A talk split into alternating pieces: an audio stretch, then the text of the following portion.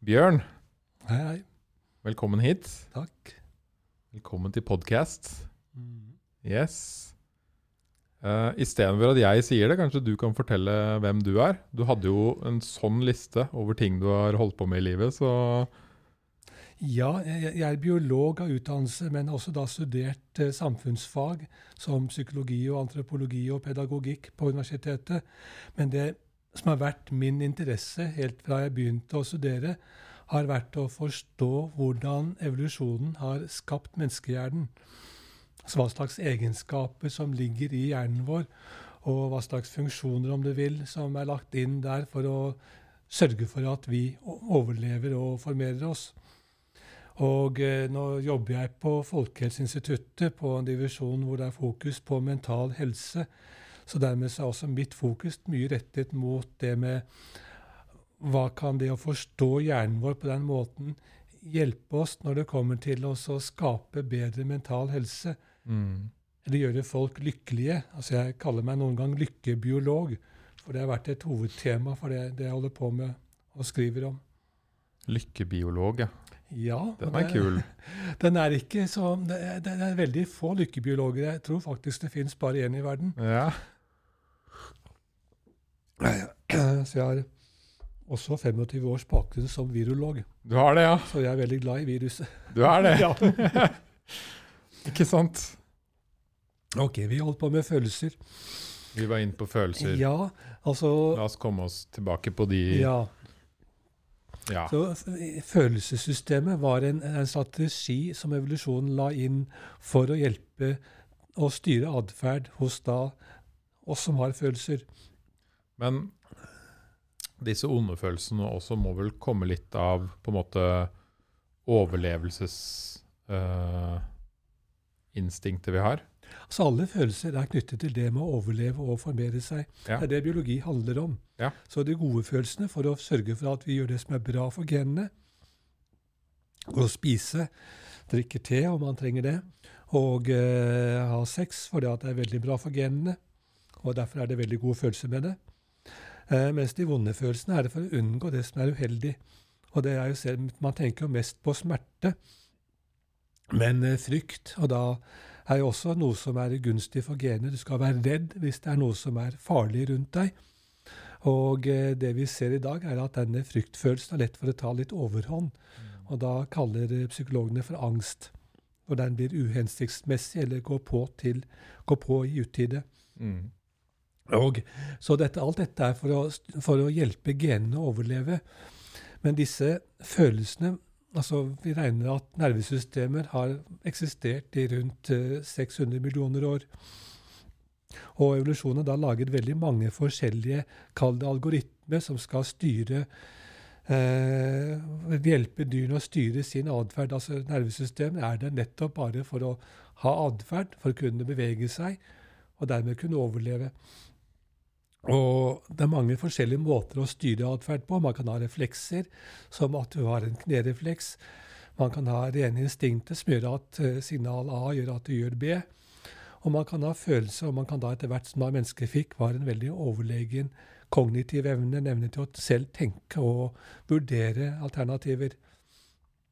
Men følelsene kom inn sånn antagelig for rundt eh, 300 millioner år siden i det som da er våre felles stamfedre med, med andre pattedyr, og antagelig også fugler og krypdyr. Men dette var en sånn dette, 300 millioner år siden. Ja. Og da har vi skilt i lag med krypdyrene omtrent. ja. Da begynte det dyret vi var, på, følelser. Da, da er det Det grunn til å tro at, det, at evolusjonen kom inn med det med følelser. Hvorfor tror man det, ja?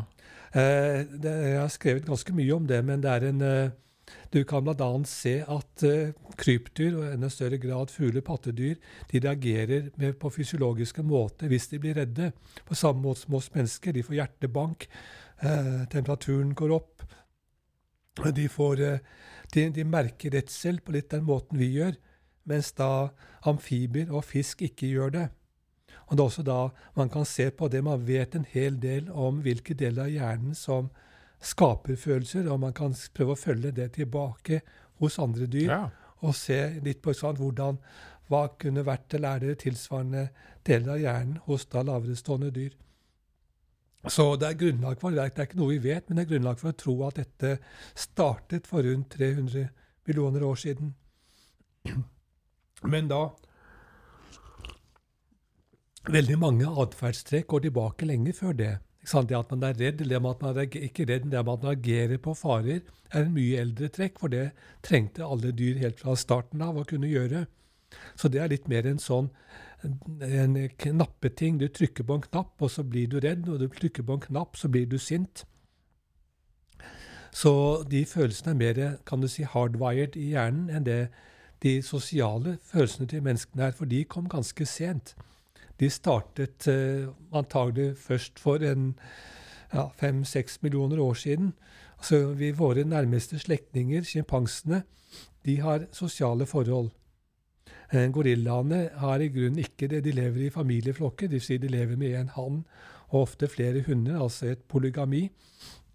Men de er ikke sosiale mot andre av uh, andre, andre artsfrender. Og det er heller ikke andre menneskeaper. Så det med å være sosial kom antagelig inn i løpet av de siste fem millioner årene. Og det betyr at på det tidspunkt så, det, så brukte evolusjonen følelser til å legge inn nye atferdsføringer i mye større grad enn den gjorde før. Så Derfor er vårt sosiale liv knyttet til så sterke følelser, mye sterkere enn uh, det med sant, å finne seg mat. Det gjør vi, men det er ikke noe vi tenker så mye over. Vi blir sultne, og det, vi merker det, og så spiser vi. Og vi kan nyte det fordi at det er sanseelementer med det. Mens det med å skape sosiale forhold til andre betyr mye, og både på godt og vondt. Derfor er både de fleste vonde følelsene våre, alt fra ensomhet til det å bli sint på andre, til å bli irritert, til å bli, føle skam og føle blir sånn, er knyttet til sant, det med mellommenneskelige forhold. Men også de fleste gode følelsene. Alt fra vennskap til kjærlighet og til forelskelse er veldig sterke og gode følelser, og de har med da det å være sammen med andre mennesker å gjøre. Mm. Og Derfor er det ikke så rart at det med våre sosiale relasjoner betyr så mye for livskvaliteten vår. Nei, det er forståelig. Og det hvilke andre aspekter av lykke kan man lære av evolusjonen? Altså det med, Vi vet en hel del om eh, de, hvilke deler av hjernen som er aktive når man eh, er lykkelig eller når man er ulykkelig. Man kjenner hjernesentrene som skaper det gode og det vonde i følelsene våre. Og en måte å beskrive det på er å si at uh, evolusjonen la inn en, du kan si, to typer hovedfunksjoner. En som er det gode og det vonde funksjonene, av selve det gode og det vonde i en følelse, og en som gir den typen som følelse som du kjenner igjen i en følelse. Så hvis du spiser en kake, så er det noe helt annet enn å være sammen med kjæresten. Men det gode i følelsen er laget av de samme sentrene i hjernen, mens da det typiske, det som er med eller når de spiser kaken, så har det med, sant, har det med smaksorganene å gjøre. og sånt. Er du sammen med kjæresten, har det med kjærlighet å gjøre. Og den komponenten av følelsen kommer fra da helt andre deler av hjernen. Men selve det gode og det vonde er det visse deler av hjernen som står for uansett. Uansett, ja. Ja, Grovt sett uansett hva mm. som følelsen brukes til. Og dette, disse kan da igjen deles inn i tre funksjoner. Vi har én funksjon i hjernen, et et, kan du si, et, et senter er ikke helt riktig, for dette fordeler seg over større deler av hjernen, men en, en, et nervesamband, om du vil, som skaper smerte i alle sammenhenger. Enten det er fordi at du føler deg avvist av noen, eller fordi at du er eh, trist fordi eh, du har eh, feilet din eksamen, eller fordi du slår kneet ditt og får et skrubbsår. Så det vonde i den følelsen er laget av visse senter, visse områder i hjernen. Og så har vi to områder som skaper gode følelser. Eh, og de, det På engelsk så kalles de gjerne 'seeking and wanting', eller det å søke og det å ønske eller, eller få noe. Og det søkebelønningssenteret.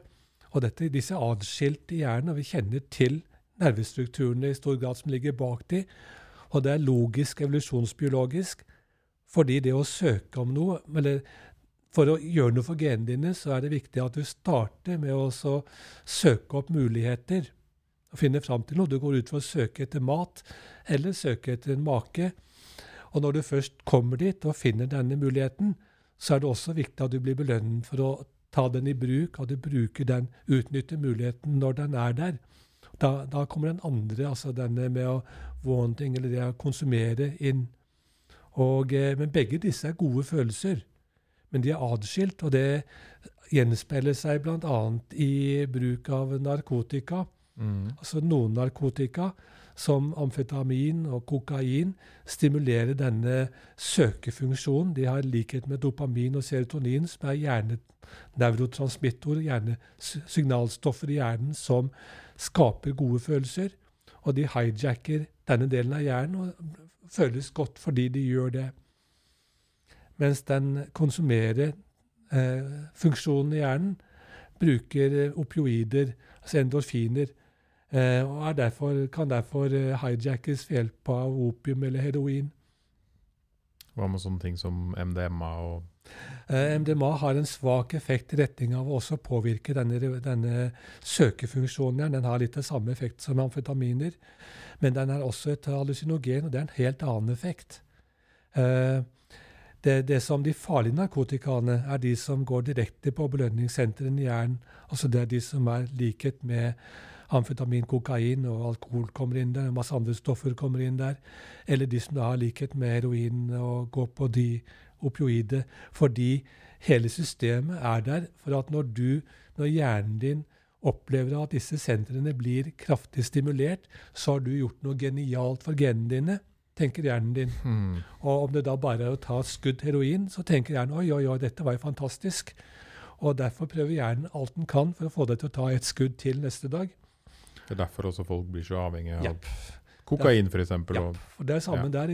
Du, et, du, opplever noe som er veldig godt, for, og genene dine er, hjernen din er laget slik at du skal prøve å gjenta det som var veldig godt. For det er hele poenget med systemet med gode og vonde følelser. Du skal unngå det som er vondt, og gjenskape det som er godt. Derfor er narkotika, som går direkte på belønningsmekanismene, er farlige. Ja, og det var da kokain, amfetamin, alkohol? Alkohol også stimulerer denne søkesenteret i hjernen. Eh, jo, men noen gjør det mer direkte enn andre. Amfetamin, kokain, særlig kokain, er de, blant de mest vanedannende, og kanskje enda, i enda større grad heroin og den type stoffer. Mm. Fordi at de i så kraftig grad går rett på belønningssentrene. Mens derimot eh, de hallusinogene stoffene ikke gjør dette. Og det MDMA er mer kjent som, det er kjent som en stimulant, altså dvs. Si noe à la amfetamin, kokain. Men det også da skaper en forandring i måten du opplever ting på, som er en hallusinogen effekt, eller psykedelisk effekt. Og som eh, interessant nok eh, har vist, vist, seg å kunne brukes terapeutisk. Til og med brukes terapeutisk mot avhengighet av narkotika.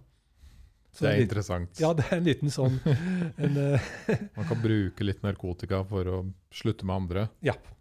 Og, men ikke sant, hva, som, hva vi kaller narkotika, er bare en eh, samfunnsdefinisjon. Ja, ja, ja. Så, Absolutt. Og vi kaller det sånn som psilocybin, fleinsopp, altså magic mushroom, kaller vi en uh, alvorlig narkotika i Norge. MDMA er et uh, narkotika.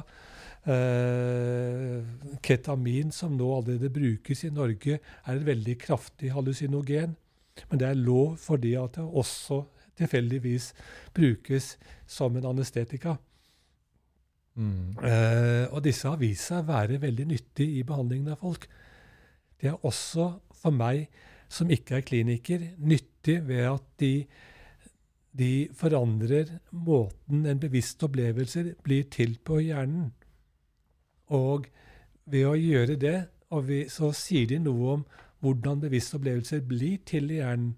Og vi vet jo en hel del om hvordan disse påvirker sant, nervesignaler i hjernen.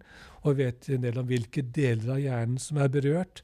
Så ved å korrelere det vi vet om virkningen på nervesystemet, med den virkningen folk har når de tar det, så kan vi si noe om eh, hvordan bevisste opplevelser blir til i hjernen. Og det er viktig, for man skal huske på at eh, bevissthet er grunnen alt vi har.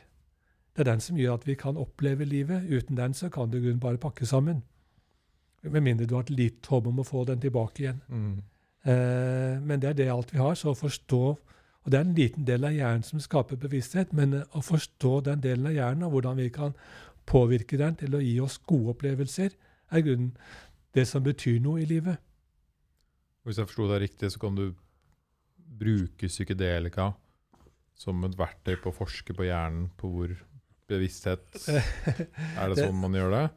I, det er det det du sa? Omtrent. Ja. Det som eh, noen vil si at jeg, jeg, jeg, jeg har jo vært jeg bruker ting som jeg syns er interessant å bruke, fordi at det gir en erfaring å ha tatt det. Men det en enkeltperson tar, det er ikke på en måte det introspektive at jeg bruker det, som er så viktig. Det er mer å prøve å, å få folk som bruker det, til å la oss si, forklare hva de har opplevd, svare på skjemaer og prøve å se på hva er den typiske virkningen av disse stoffene hos folk. Men når det går på det å, å skape bevisste opplevelser, så blir det veldig mye veldig store individuelle forskjeller. Mm. Så enkelt, min, enkeltbruken av det sier ikke så mye som det som det å kunne gå sammenligne hos mange mennesker. Og det gjøres. Det, det er forskning som gjøres. Eh, og så, men, eh, og det er, det er, jeg syns det er interessant å se hvordan de virker på en selv, men det er viktigere for meg å prøve å forstå få klarhet i hva den typiske virkningen er, og få klarhet i hva som da kan forklare den virkningen når man vet hva de gjør i hjernen. Ja, det er veldig spennende tid vi, vi lever i. Disse holdt jeg på å si, forhåpentligvis narkotikaene er på vei ut av narkotikalista og kan brukes til fornuftige ting, og vi forsker på det samtidig. De åpnes opp for bruk nå. og det er i, altså I Norge har vi ketamin som brukes i behandling. Det man åpner, prøver å få til å få lov til å bruke psilocybin, altså fleinsoppaktive stoff i det soppen, fordi det er kanskje enda mer potent. Man jobber med å kunne bruke MDMA, ikke minst fordi at MDMA har en veldig sterk effekt på det sosiale for mennesker. Og det er noe man da håper å kunne utnytte i, i terapeutisk sammenheng. Eh, og jeg, i, i, noen land så er det lov med å bruke disse stoffene. I Nederland der kan du kjøpe psilocybin og cannabis og stoffer fritt. Tusle rundt eller, og ja. gå innom en sånn coffeeshop eller gå innom en sånn ja. trøffelsjappe. I USA er det frigjort å bruke det terapeutisk og forskningsmessig sammenheng i en del stater i alle fall. Så det, det kommer etter hvert at det blir eh, større, eller lettere å få lov til å bruke disse stoffene. Mm. Det er spennende. Ja, det er det, og det er, det er, interessant. Og jeg tror på at det har et potensial til å hjelpe mennesker. Mm.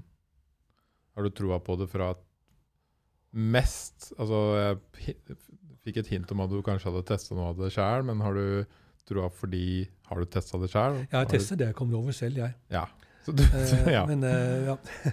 Har mye av troa kommet derfra? Nei. Nei. Overhodet ikke. Nei. Det er ikke Forskningen først, og så Ja. Det å teste ut selv er mer for å få for, uh, føle at man har litt egen erfaring med hva det dreier seg om. Der forskningen er mye viktigere, og den går på Når det gjelder terapeutisk, så er det jo å ta pasienter og prøve å vurdere har det hjulpet dem. Eh, det Problemet med de typiske psykedelikaene er at det er så vanskelig å lage placebo-type forsøk. Pasienten vet ganske fort hva han fikk. Ja, det er, så, så, det er trygt. Men du kan likevel Og det er det rare at disse kan ha eh, eh, tilsynelatende langvarig effekt selv etter én eller to doser. Noe som ingen annen eh, psyki eh, psykiske medisiner synes å ha. Men fra, fra også en forskerside er det alltid lurt på disse forskerne som forsker mye på det, men aldri har prøvd det. Ja, men det er ikke det å prøve hjelper ikke så mye for en pasient. ikke sant? Det er ikke, Jeg kan ha min opplevelse av det. Ja. Mens en da, Og dette må, det skal også sies at disse eh, MDMA, tenker jeg, eller alle disse stoffene, ved at de er så kraftig skaper en så omkalfatring av din, din, bevissthet. Du mister kontrollen over deg selv. Og det kan godt føre til en veldig ubehagelig opplevelse. Absolutt. Så man skal ikke, ikke sant, man skal være bevisst hva man gjør, og man skal, bør ta det i en setting som man er trygg på. Mm. Da er man eh, som en pasient, så bør man ta det hos en terapeut som har den rette, rette erfaringen og rette kompetansen til oss å, å, å bruke det. Ja. Det er ikke så lett å gjøre i Norge nå. Eh, ketamin, det finnes to klinikker i Oslo som behandler ved hjelp av hallusinogener. Mm. Så det, og det er mulig å gjøre, ja. Jeg har vært på ennå. Titta innom. På På Stewart sin, eller på ja. Akson, ja. Det er riktig, ja. Mm. Så, så det er ikke det Sykehuset i Østfold jobber med å få til å få lov til å bruke dette i, hos seg. Jeg vet ikke hvor langt det er kommet med det, men jeg tror det kommer til å skje. Det er veldig bra, og jeg regner med at det er mange i eh, opiodbransjen som kjemper imot det her. Det er det nok noen, men jeg har inntrykk av at det er ikke Det er det nok, og det vil alltid være det. Men uh, så går vi 50-60 år tilbake i tid, så var dette sett på som den naturligste ting i verden å bruke slike stoffer. Og så kom Timothy Leary og kombinert med president Nixon, og, og Nixon fant ut at Leary var verdens verste folkefiende, og han slang han inn i alle de fengslene han hadde. Mm. Og etter det så det litt, uh, fikk det litt dårlig rykte, sammen med hippie-tiden. Det stemmer. Så, så det ble gjort mye forskning den gangen, og det gjøres forskning nå som er eh, solid, og som er i høyeste grad relevant. Mm. Kult. Nå spora vi litt på siden der på psykedelika. Det er jo spennende. Kan være vi kommer tilbake til det. Jeg har lyst til å holde meg også på den uh, lykkepraten. Ja. For det er veldig Lykke og for bevissthet òg. Det er Mm. fint å, å, å snakke om. Eh, vi har snakka om at dette med å være sosial, eller at sosialt liv, er viktig. Mm. Og så snakka du om dette med uh, de forskjellige følelsene og forskjellige stedene i hjernen. Mm. Og så snakka du om narkotika, så lurte jeg på uh, Er det det samme også altså, uh, med f.eks. avhengighet og trangen til å spise usunn mat og sukker? Er det noe oppi uh, Ja, Ja. Det er det samme. Det er det Så- samme? På en måte, ja. Alt dette er ting som da stimulerer belønningsfunksjonen i hjernen. Så så næring gjør det jo, ikke overraskende. Og sukker gjør det spesielt sterkt, fordi at vi, sukker var en eh, vanskelig ikke så lett å få tak i i steinalderen. og altså, Det kom stort sett i form av frukt, og frukt var en viktig næringskilde for både mennesker og våre tidligere forfedre, altså sjimpanser, gorillaer og sånt. Så vi, en, eh, vi prøver å søke opp sukker fordi det er en god næringskilde. Eh, og eh, fett var ganske viktig. Og det vi ser nå, er at eh, det industrien har klart å finne fram til, er at det å kombinere sukker og fett i riktig kombinasjon er en superstimuli for da smaksnervene våre. Du får kjøpt det i form av sjokolade, f.eks., Mm. eller krem. Og det slår an. Det selger. Ja. Og det er fordi at, eh, nettopp fordi at eh, det, det stimulerer så sterkt belønningsmekanismen i hjernen. Og det er samme der at folk kan, kan få dårlige vaner i form av å eh, kyle innpå altfor store mengder av usunne søtsaker.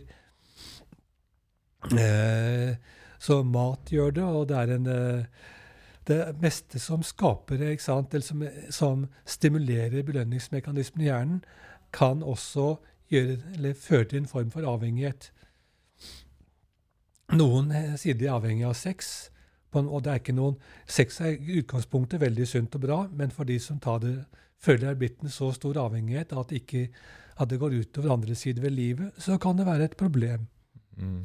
Det kan, så eh, man kan bli avhengig av uh, computerspill fordi du får små belønninger hver gang du klarer å få til noe. Du løser en oppgave på computeren, hvis du Alt fra å få en kabal til å gå opp til å vinne i World of Warcraft, så gir det Der har jeg vært, vet du. Du har det, ja? Der var jeg tilbake i tiden min.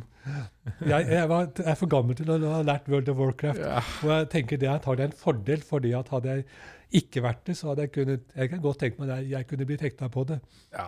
Og Når jeg var eh, 15 eller 14 eller noe det kom, så var det helt fantastisk. Ja, og Det det var det for hele guttegjengen. Ja. Det, var det, det var det vi gjorde i to-tre år. Ja. Og det var helt sikkert liksom, noe som ga sterke belønninger. Og det er ikke noe altså Computerspill i seg selv er jo ikke noen er ikke veldig usunt. Men hvis det blir å sitte inne dagen lang og natten lang og ikke gjøre noe annet, ikke eh, få nok søvn, ikke få nok porsjon, ikke følge opp det du ellers har av skole og jobb, så har du antagelig et problem. Og så gønner du på med suk sukker og fett i tillegg. Eventuelt. Det er kombinasjonen sin, det. Husker den tida der. Og sånne fallgrupper har vi veldig mye av i dagens samfunn, fordi vi lever på en helt, et helt annet, ikke sant, eh, en helt annen miljø enn det man hadde i steinalderen.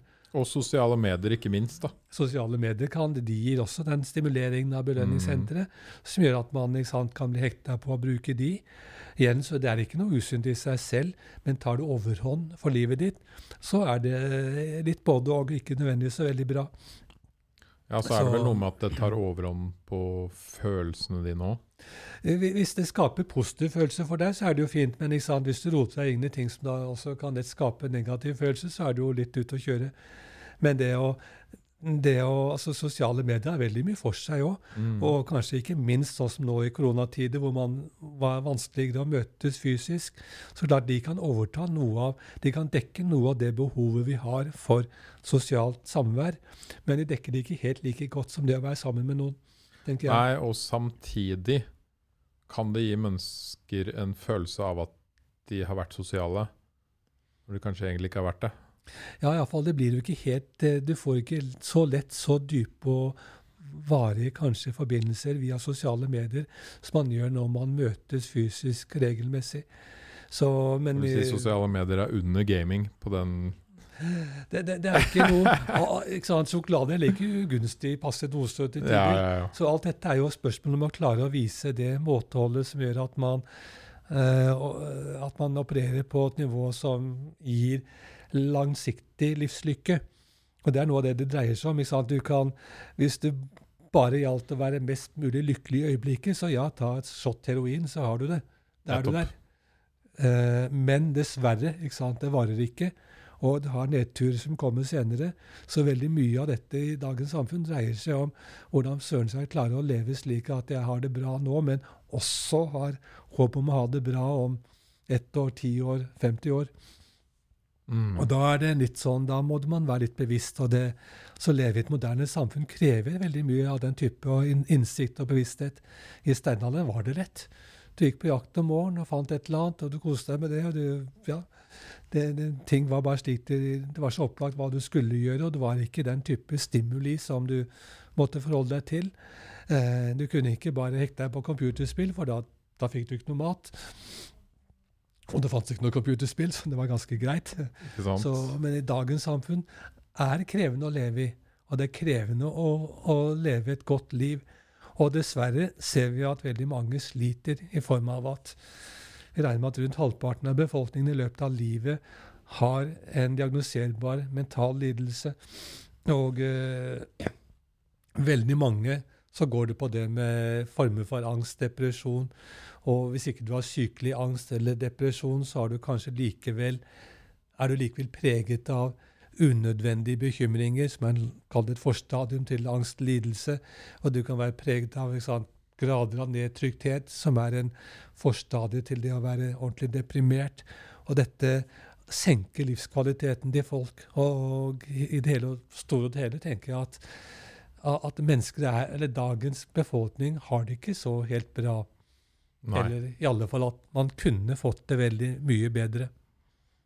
Ja. Og det er for så vidt noe jeg har lært av Altså etter man har tatt psykedelika, så skjønner man hvor mange tullete ting man går og tenker opp i hodet hele tiden.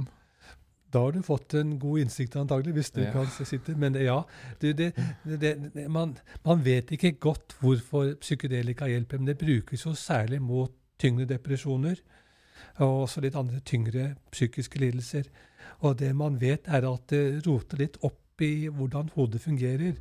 Og vi vet også at noen typer psykedelika kan eh, eh, påvirke de mekanismene som skaper nye nervesammenhenger, nye nervetråder. Og det samme gjør det at du tilsynelatende ikke sant, du, du, du kommer ut av, vante måter å tenke og være på, og har dermed en mulighet til å komme inn i noe som er litt bedre for deg. Mm. For et liksom, holdt jeg på å si et spark i baken, bare i, i Litt huet sånn, isteden. Liksom, ja. Du har gått den stien der lenge nok nå. Mm. Nå må du prøve en annen. Ja. Men det jeg skulle spørre om, var For du nevnte kort i stad dette med Og det her tror jeg veldig mange sliter med. Jeg hører veldig mange tenke mye på. Dette med meningen med livet. Hva, hva, det, hva skal jeg? Hva skal jeg jobbe med? Det er en bekymring mange har. Det, det er iallfall et eh, det, er veldig mange studier som, på, som går på det med å prøve å måle livskvalitet livslykke, som konkluderer med at det er en veldig viktig faktor. Det å ha funnet en mening med livet, har mening med livet. Eh, som, som atferdsbiolog er det ditt tankekors. Hvorfor skulle det bety noe? Du, at du skal At du prøver å unngå frykt, er jo greit. Det er en eh, eh, det, det, det har sin opplagt funksjon at du dermed sant, overlever litt bedre. Eh, depresjon har en funksjon. Eller det lavt humør er det for å prøve å lære deg å gjøre om på måten du håndterer ting på. Du blir deprimert hvis eh, kona di går fra deg, eller om du stryker til eksamen. For, da, eller om i steinalderen, om du da ikke klarer å nedlegge det byttet du prøvde å nedlegge. Og hele poenget er at du da ved den lille dosen av depressive tanker, så vil det gjøre at du prøver å Ok, neste gang så jeg, vil jeg unngå den følelsen, og prøve å finne en strategi som fungerer litt bedre. Eh, Så det er, det er en funksjon, og er, dessverre blir den lett da Den følelsen blir lett eh, hyperaktiv i dagens samfunn. Men det med mening med livet er ikke så opplagt, for det at eh, i steinalderen skulle man tro at man kunne bare Har man nedlagt det man trenger av bytte og skaffet mat, og alt er bra, så er det bare å slenge seg ned ved bålet og kose seg. Men jeg, det jeg tenker at det går på, det er litt, litt så tenker jeg at det har noe med dagens samfunn å gjøre. At vi føler det behovet sterkere enn man gjorde i et Mm. steinaldersamfunn eller et typisk stammesamfunn. Litt så tenker jeg at det går på at man eh, At eh, vi er designet av evolusjonen for oss å eh, sørge for at, vi, at genene våre har det bra og går videre. Og det krever på en måte litt innsats. Det krever at man gjør noe. Det krever at du har litt initiativ. Og den der følelsen at du skal gjøre noe nyttig for noe, kommer inn i mine øyne når det kommer til det å finne en mening med livet. Det å ha mening med livet dreier seg om å føle at man gjør noe nyttig, noe som er bra for et eller annet. Mm. Bra for deg selv, de rundt deg, planeten, mennesker. I utgangspunktet så sant, er det den design, eller den funksjonen lagt der antagelig for at du skal ha det bra for deg, eventuelt tid som du er sammen med. Men i likhet med veldig mye annet så kan dette godt nyttes på andre måter. Eh, vi har en, så vi kan godt, Du kan føle meningen med livet ved å prøve å gjøre noe for klimasaken, eller gjøre noe for eh, krigen i Ukraina, eller gjøre noe for eh, alt som sant, foregår helt andre deler på jorden. Men det er fordi at du føler da at du gjør noe nyttig, og det føles godt å, å gjøre noe nyttig. Og vi savner litt det. Det- Vi har ikke den samme eh, livssituasjonen hvor det er opplagt at det jeg gjør om dagen, er nyttig, for det at jeg trenger å gå ut og finne mat. Nettopp. Det er en annen, helt annen situasjon for huet vårt. Ja, og for, eh, så det er, det er litt igjen av den utfordringen ved å leve i moderne samfunn som vi på godt og vondt altså det, er, det er jo, Jeg vil ikke tilbake til steinalderen. Det er altfor mye positivt å si om dagens samfunn. Så, så det er ikke eh, så, så jeg vil helst være her. Mm. Men man kan få det bedre i dagens samfunn med litt innsikt og litt innsats. Så hva slags innsikt og innsats burde man liksom streve for å, eller jobbe med å, å Altså- ha for å ha et lykkeligere liv?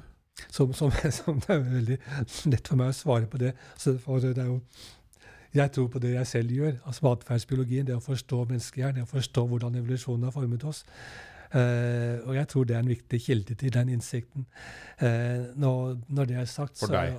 For, for, for For menneskeheten. menneskeheten. Men når det er sagt, så dette er én innfallsvinkel til det. Og det er den innfallsvinkelen jeg har på en måte viet mitt, mitt liv, min karriere til. Og det betyr ikke at man ikke kan komme fram til like nyttig innsikt på veldig mange andre måter. Alt fra psykologi til religion. Eller, så det er ikke Men jeg tror det er en måte, en innfallsvinkel til å forstå ting som gjør at, det, at man kan lettere tilpasse seg livet i et moderne samfunn. Mm. Men ut ifra det du har forska på og lært det siste, hva, hvilke grep kan man på en måte ta i livet sitt? da? Hvis man føler at man er mye ulykkelig eller har, er mye deprimert. Hva er det du tenker er noen gode verktøy? Triks, som, knep? Det, det, det, jeg har skrevet litt om det med Hvis lykke var en, en OL-gren, eller en verdensmesterskapskonkurranse, eh, hva skal til? Og i den grad det er, er, det, så er det jo det at Norge er jo det skandinaviske land er på toppen. Ja. Vi, er de som, vi er de land som scorer best på lykkebarometerne som FN utgir. Hvordan måler man det? Det, det, det, er, det, er, litt av problemet. Det måles ved at du går rundt og spør et passe utvalg av mennesker spørsmål av typen på en skala fra 0 til 10 hvordan har du det? Ja. og Det er en nokså grov måte å måle det på, men det er i og for seg verifisert. Og det er en grunn til å tro at de målingene har noe i seg. Men de har også mye feilkilder i seg. Men, Men det, gir en pekepinn? Det gir en pekepinn, ja. Og det som skal til da, er én Eller en så vet vi fra forskning gjort bl.a. på mitt institutt, at uh, variasjonen i hvordan, hvor lykkelige folk har, er sånn ca. 50-50 arv og miljø. Okay. Det vil si at genene du blir født med, betyr omtrent halvparten, og man skal se på sammenligne med din lykke i forhold til alle andre. Og de er det vanskelig å gjøre noe med, så de er bare take it or just take it. Mm. Not don't leave it. Uh, så det er en side ved det. Uh, men innenfor da hva genene dine på en måte peker mot, så har du ganske store muligheter til å gjøre noe med den andre halvparten. Kan du gjøre mye for. Og eh, jeg har tro på at en ting som betyr mye, er hvordan barn vokser opp. Altså det miljøet vi gir barn fra de er født, eller fra til og med før de er født. Eh, fordi at det er i den perioden at hjernen utvikler seg mest. Da den hjernen skapes, og den har veldig rivende utvikling de første årene. Så å, hvis man da gir barna et uh, litt uheldig miljø der, så kan utviklinga av hjernen bli litt skakkjørt, og du får da lettere uheldige sider, problemer eller mentale problemer senere. Og et, eh, et, eksempel som jeg tror på der, gjelder nettopp det med angst. Og angst er en veldig vanlig problem i dagens samfunn. Og det betyr at man er Fryktfunksjonen har blitt hyperaktiv. Og jeg tenker at uh, når blir når en funksjon i hjernen blir hyperaktiv, så er det gjerne fordi den er trent opp. Man har aktivert den veldig ofte. Og man vet godt fra forskning, ikke bare på, også på dyr, men også på mennesker, at hvis du stadig aktiverer en del av hjernen, så vil den styrkes. Den vil også kunne faktisk bli større i hjernen, men den vil også bare ha større innflytelse på ditt bevisste liv. Så du trener den opp da som en muskel? Ja, du, det er litt som å trene en muskel. Så kan du trene opp forskjellige deler av hjernen. Mm. Og hvis du stadig aktiverer fryktfunksjonen, så blir den trent. Og hvis den er veldig trent, så er den stor og kraftig i hodet ditt. Og det betyr at det er større fare for at den da slår ut i angstproblemer når du vokser opp. Og det vi gjør med småbarn, det som vi lærer den psykolog forteller, er at uh, vi liker best at de sover for seg selv. Vi liker best at de ligger i en barnevogn istedenfor å bli båret. Vi liker best at de er liksom litt på en passe avstand. Og det fungerer, men slik igjen var det ikke i steinalderen, og slik er ikke det barnet trenger.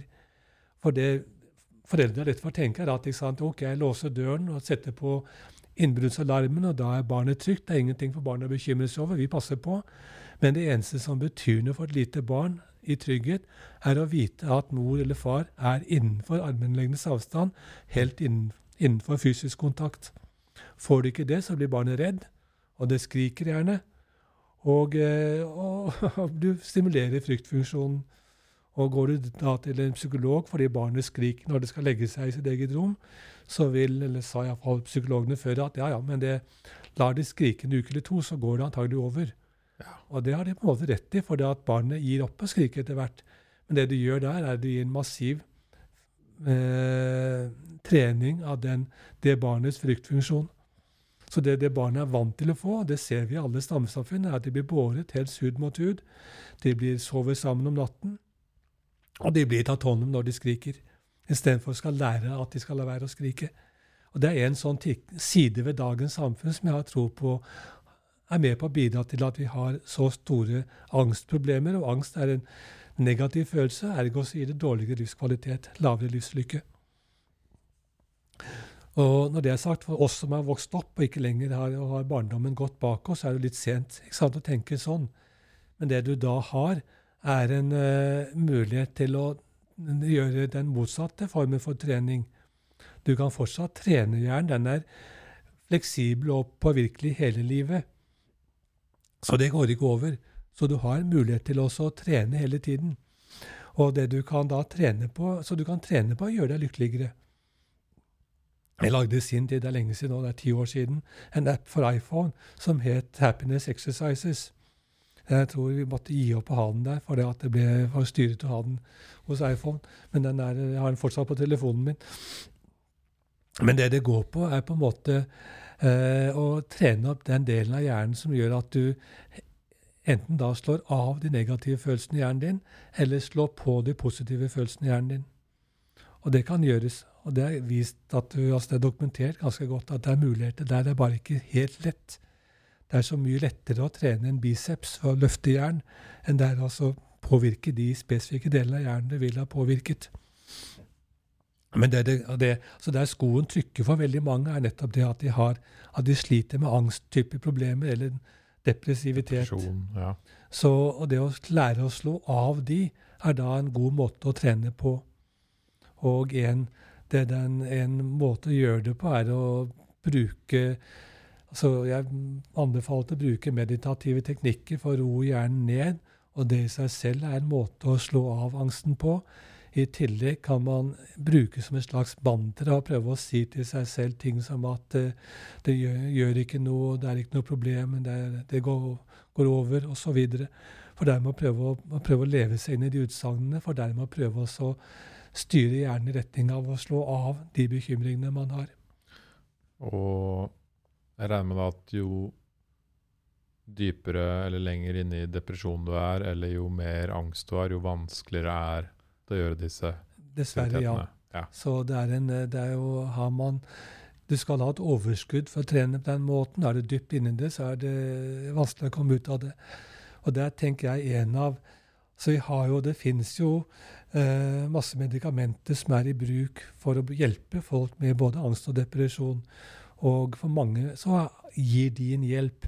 Men de klassiske medikamentene, nå tenker jeg ikke på hallusinogenene, de klassiske medikamentene er slik at de igjen de, de har liten effekt med mindre du har det i deg. Du må ta det hele tiden.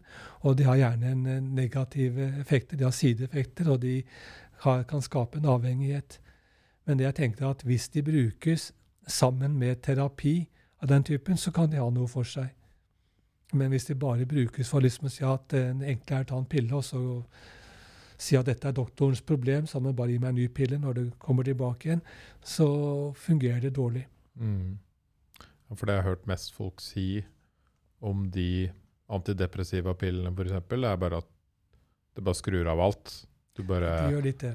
Det blir som å bare ikke føle noen ting. Ja, alt er helt Alt er bare helt OK. Det er liksom ja. ikke noe har noe å si. Og, og, men også, sant, går du på de lengdene, så er det ikke det bra. Så jeg Absolutt ikke. Da klarer å komme deg over, bruke da prøve å trene opp hjernen til å ja, så Klarer man det, så er man iallfall mye bedre stilt. Så man kan altså trene hjernen til å bli lykkeligere? Ja, absolutt. Men igjen, det er ikke det. Det er lett. Ja, det er, jeg sa ikke det er lett å bli verdensmester på langrenn på ski, men det er, det er, ikke, det er ikke lett å trene hjernen. Nei. Og et triks var å bruke meditative teknikker. Ja, jeg har tro på det, men ja. det er sammen med det også prøve å sånn, Det vi vet, er at du kan altså Følelsene er laget av evolusjonen for å bli styrt av din, din ubevisste hjerne. For det at de skal styre deg, du skal ikke styre dem. Sånn, Du skal ikke være slik at du kan gå bort til et bål og si at 'jeg syns det er gøy å stikke hånden inn', jeg vil bare si åssen det føles, og så slå av smerten. Det er ikke bra for genene dine. Eller bare hoppe utfor stup fordi at jeg sier 'jeg har ikke lyst til å være redd'. Derfor er slike følelser, eller alle følelser, er i utgangspunktet slås av og på av det ubevisste. Og det er ikke helt lett dermed. Sant? Derfor kan du ikke bare bestemme deg for å ikke være deprimert, eller bestemme deg for ikke å føle angst. Eh, men det som fins, er at det heldigvis fins måter å påvirke. Du kan hijacke de ubevisste prosessene i hjernen din. Og det er, en, eh, det er, flere måter å gjøre det på. og det er en, Et veldig godt eksempel er eh, noe som ble vist på av kollegaer på Universitetet i Oslo, på Psykologisk der, at de, eh, altså, pupillstørrelsen reagerer spontant på hvor mye lys som er i rommet. Og Det er fornuftig. sant? Hvis det går inn i et lys med mye rom, så vil pupillen trekke seg sammen. Går det inn i et mørkt rom, vil den utvide seg fordi det trengs for å få passe mye lys inn i øyet. Dette er ubevisste prosesser, men styres av nervene, av nervesystemet og via hjernen. Eh, men du har ikke noen sant? Man skulle tro at du har ingen kontroll over dette. Men det viste da, de klarte å vise at faktisk individ kan kontrollere dette til en viss grad. Ved å Det holder bare å tenke på et hvitt ark, så vil pupillene trekke seg litt sammen.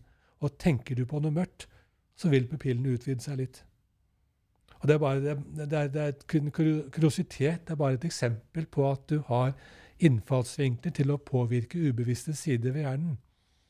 Det samme måte som noen, det er forskning som tyder på at hvis du tvinger munnen opp i et smil, så er det nok til å, å føle at eh, La oss si du leser en tegneserie, så er den morsommere hvis du har munnen i et smil, enn om du, du ikke har det.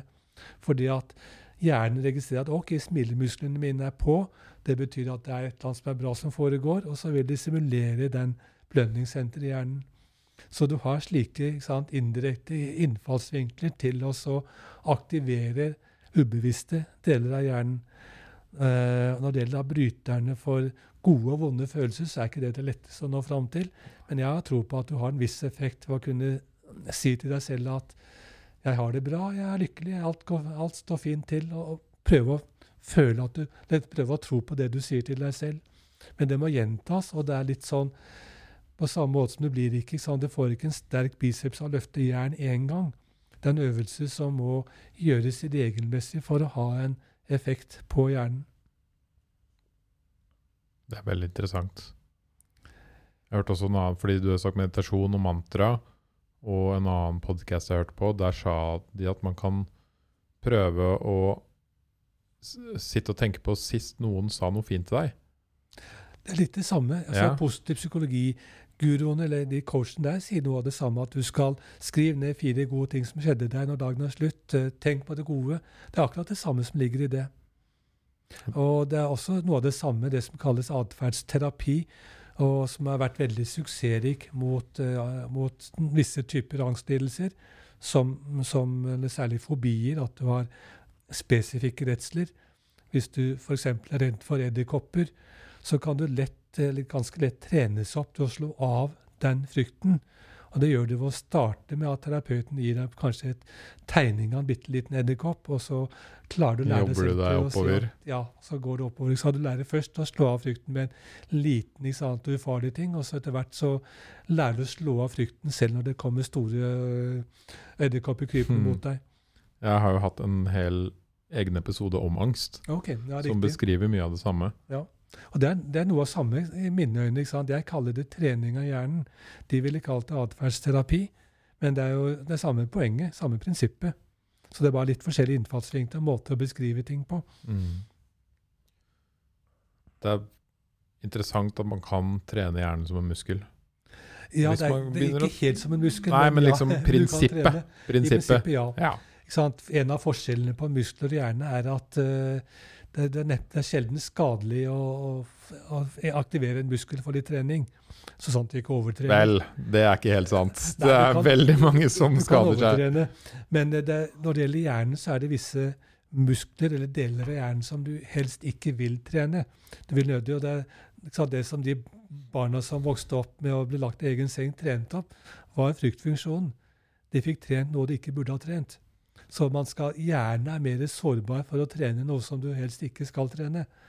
Og det gjør det også litt mer problematisk, for du har ikke alltid helt kontroll Mm. i hjernen. Hvorfor går vi rundt og er så Du har jo sagt angst, men vi går jo rundt og er så sykt bekymra hele tiden. Bekymringer for meg er sant, bare et uh, Kall det en avart. Eller jeg ville, Mm. hvis jeg skulle valgt måte å bruke ordene på, så ville jeg sagt at bekymring er en lavgradig angst. Ja. sant? Det er litt sånn Ja. en, eh, en Det preklinisk form for angst. familie. Ja. Ja. Alt dette igjen. altså På samme måte som det er én smertefunksjon som dekker alt som er vondt i hjernen din, så er det en, kan du iallfall grovt sett én hovedfunksjon som dekker alt som har med frykt å gjøre. Men det, det, dette er en forenkling, selvsagt, av virkeligheten. Hjernen er uhyre mye mer komplisert. Men det er en forenkling som er i mine øyne nyttig å gjøre. Og, der, og den funksjonen er viktig. Det er de som vokser opp uten evne til å føle frykt, eh, lever farlig, pent sagt. De lever farlig. Ja. Og på samme måte som de som vokser opp, de som har medfødt mangel på evne til å føle smerte, og det fins, det er spesielle genetiske mutasjoner som gir en slik tilstand, de lever gjerne kort. Det kan jeg tro på. De dør fordi at de, tar, de ser ikke De ødelegger seg selv så mye at de dør. Mm. Så disse funksjonene er jo viktige. Man skal ikke slå de av. Man skal bare hindre at de går på i utide. Og det er problemet i dag, at de går så veldig ofte på i utide. Ja, de skyter jo på hele tiden. Ja. For mange. Ja. For mange, ja. Ja. Og kanskje min teori, kanskje spesielt enda mer når du bor i en by og det er så du skal være så aktiv og på, og det skjer så mye hele tiden. Det, det, det, man har vel ikke funnet noen veldig klar sammenheng mellom Nei. det å være by er, At folk i by er mindre lykkelige enn de som bor på landet. Det er litt sånn Ja, For der er man kanskje mer ensom. det Man kan være ensom. Det er også ikke sant, Byene trekker folk fordi at de føler at der er du til stede der ting foregår. Eh, så, så eh, Jeg har jo hatt litt tro på det med nettopp da type økolandsby eller intentional communities, og de havner jo gjerne på landet fordi eh, Mest fordi at det er ikke mulig å skaffe penger til å kjøpe seg en i sant, 30 mål tomt nedi på- langs Akerselva til å sette opp en økolandsby. Så dermed så havner de langt unna bysentrene. Og det er jo problemet for dem ofte, fordi at de dermed er vanskelig å finne noe å leve av. Men det er den fordelen at de kommer ut av byene, og der har de mulighet til å lage seg et sosialt samvær, så de sant, klarer den delen av livet. Det som da står igjen, er sant, det narkotiske gjenskinnet av byen som veldig mange føler. Mm. Jeg har jo vært og besøkt uh, Pondicherry i India. Riktig Euroville. Euroville, er byen. ja. Jeg har også Stemmer. der, ja. Du har det, ja? Ja. Det er litt av et sted. Artig sted, det. Ja. Det, det, jeg bodde jo i Chennai et år, og så Ja, okay. hørte jeg om en, et sted nede i Euroville hvor det bodde folk fra hele verden. Ja. En liten landsby. Ja. Og det er jo også helt merkelig plassert i India. ja. Ja. Inne i skogen i sør-øst i India. Det er ikke der du liksom reiser på ferie. Stort sett. Nei, det var, jo, det var jo de som, eller hun som startet det, hadde en kjæreste som var guru i den delen av India. Og bare spaserte ut i naturen, og så fant hun seg en bønn-tre. Litt à la hva Buddha gjorde noen tusen år tidligere. Og satte seg ned der og sa at ok, her lager jeg en by. så lik ble det. Er det noen sånne økolandsbyer i Norge? det. Ja, det er det. Er det. Men de eh, Hurdalssjøen økolandsby er et eksempel. De eh, eh, har litt kanskje gitt opp å være tunge økolandsby-type bosetning, men de har også samtidig mye for seg der. Hva er det du e- egentlig mener med økolandsby? At det er liksom selvforsynt og økologisk og Eller Ingen er selvforsynte, men Nei, de, de, det er gjerne steder som Så økolandsby ble et moteord for en del år siden. Eh, selv har jeg brukt mer det som, er, som brukes som intentional communities. Det er en egen forening som heter Fellowship of Intentional Communities. Og de har noe sånt som 4000-5000 medlemmer, altså landsbytype medlemmer. Eh, og det dekker mye bredere. Økolandsbyer tenker man jo på steder som iallfall har et veldig klart økologisk motiv i det de driver med. Og ingen, ingen er selvforsynte, men mange da, for mange betyr det en å ta vare på miljøet, eh, kanskje dyrke mest mulig selv, iallfall en del selv, eh, leve med et lavt fotavtrykk eh, osv.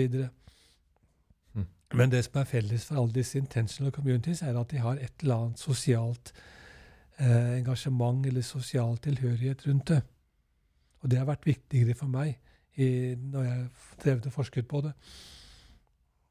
Når du har forsket på dette, så ser, virker det som folk der er mer lykkelige? Det, det vi fant, det, Dette var et studie fra Nord-Amerika, som igjen også bare var et sånt uh, spørreskjema-type studie. Hvor vi fant ja, at nettopp de som levde i, i disse intentional communities, var lykkeligere enn folk ellers i USA, og de var blant de lykkeligste i verden. Mm. Men eh, jeg, jeg, vil være den første til å, til å være litt skeptisk til resultatene. Men jeg, jeg, tror det reflekterer noe. Men man skal ikke legge for mye vekt på den type undersøkelser heller.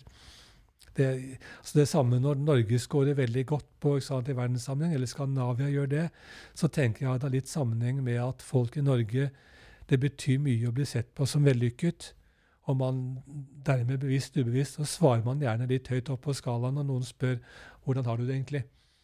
Og i disse Ja, jeg har det bra, jeg. Ja, det blir litt sånn. Ja. Fordi at det betyr noe. Mens andre land så betyr det kanskje ikke så mye. Man er litt mer ærlig, om du vil, og svarer litt lenger nede på skalaen.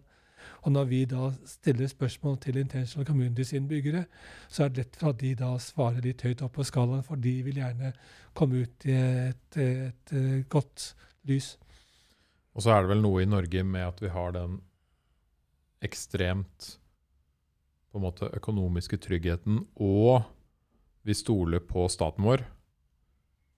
De, de, tingene, de faktorene har vel veldig mye å si? Ja, jeg tror sånne faktorer har helt klart mye å si. Ja.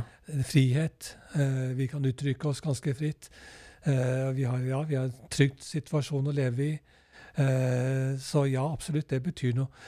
Men eh, Du så jo hvor mye vi stolte på politikerne under covid. Ja, vi gjør Ja. det. Og det, det reflekterer noe i samfunnet som er bra.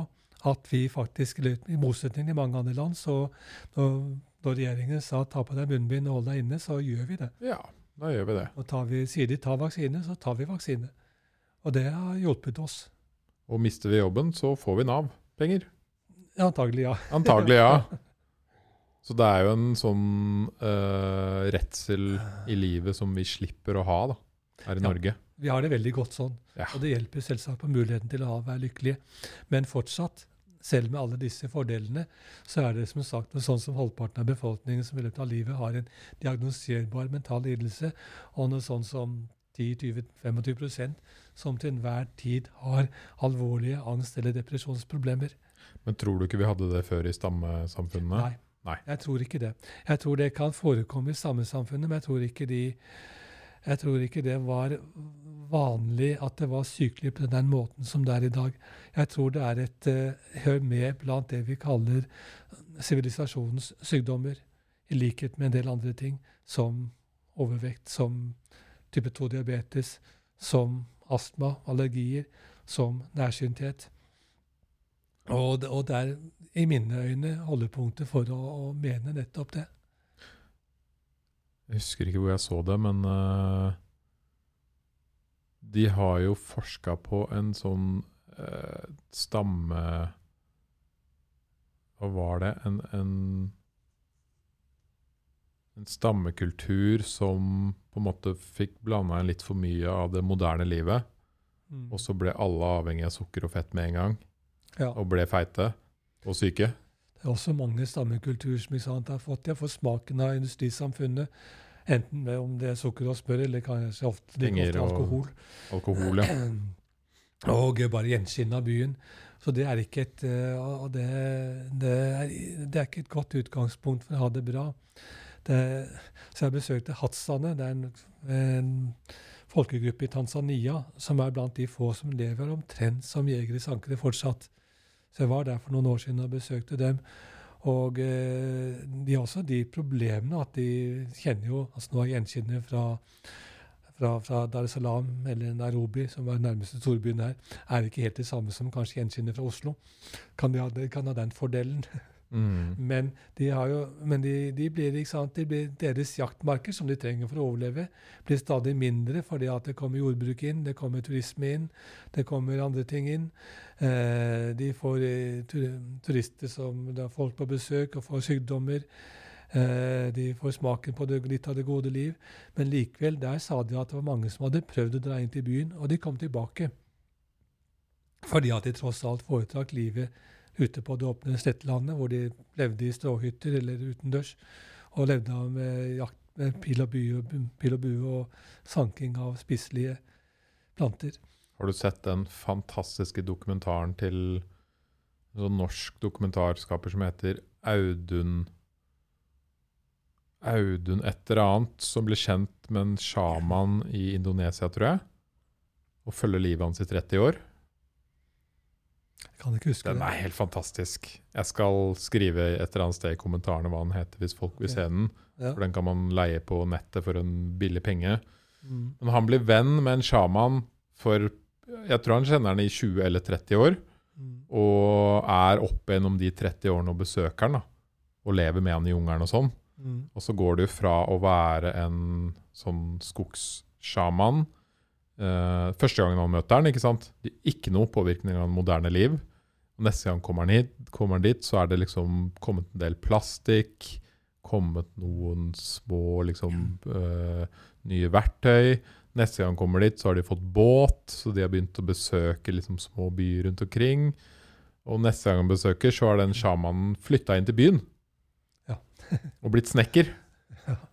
Ja, det er jo Og den historien er helt fantastisk, fordi uh, du ser, du ser liksom det, han sjamanens liv, og hvor forvirra han er, og hva han gjør i de storbyene.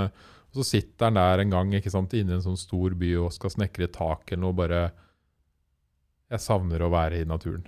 Ja. Med liksom familien og Det har jo vært altså Man møter mange mennesker i Norge og som sier det samme, at de savner ikke sant, en nære tilknytning til natur.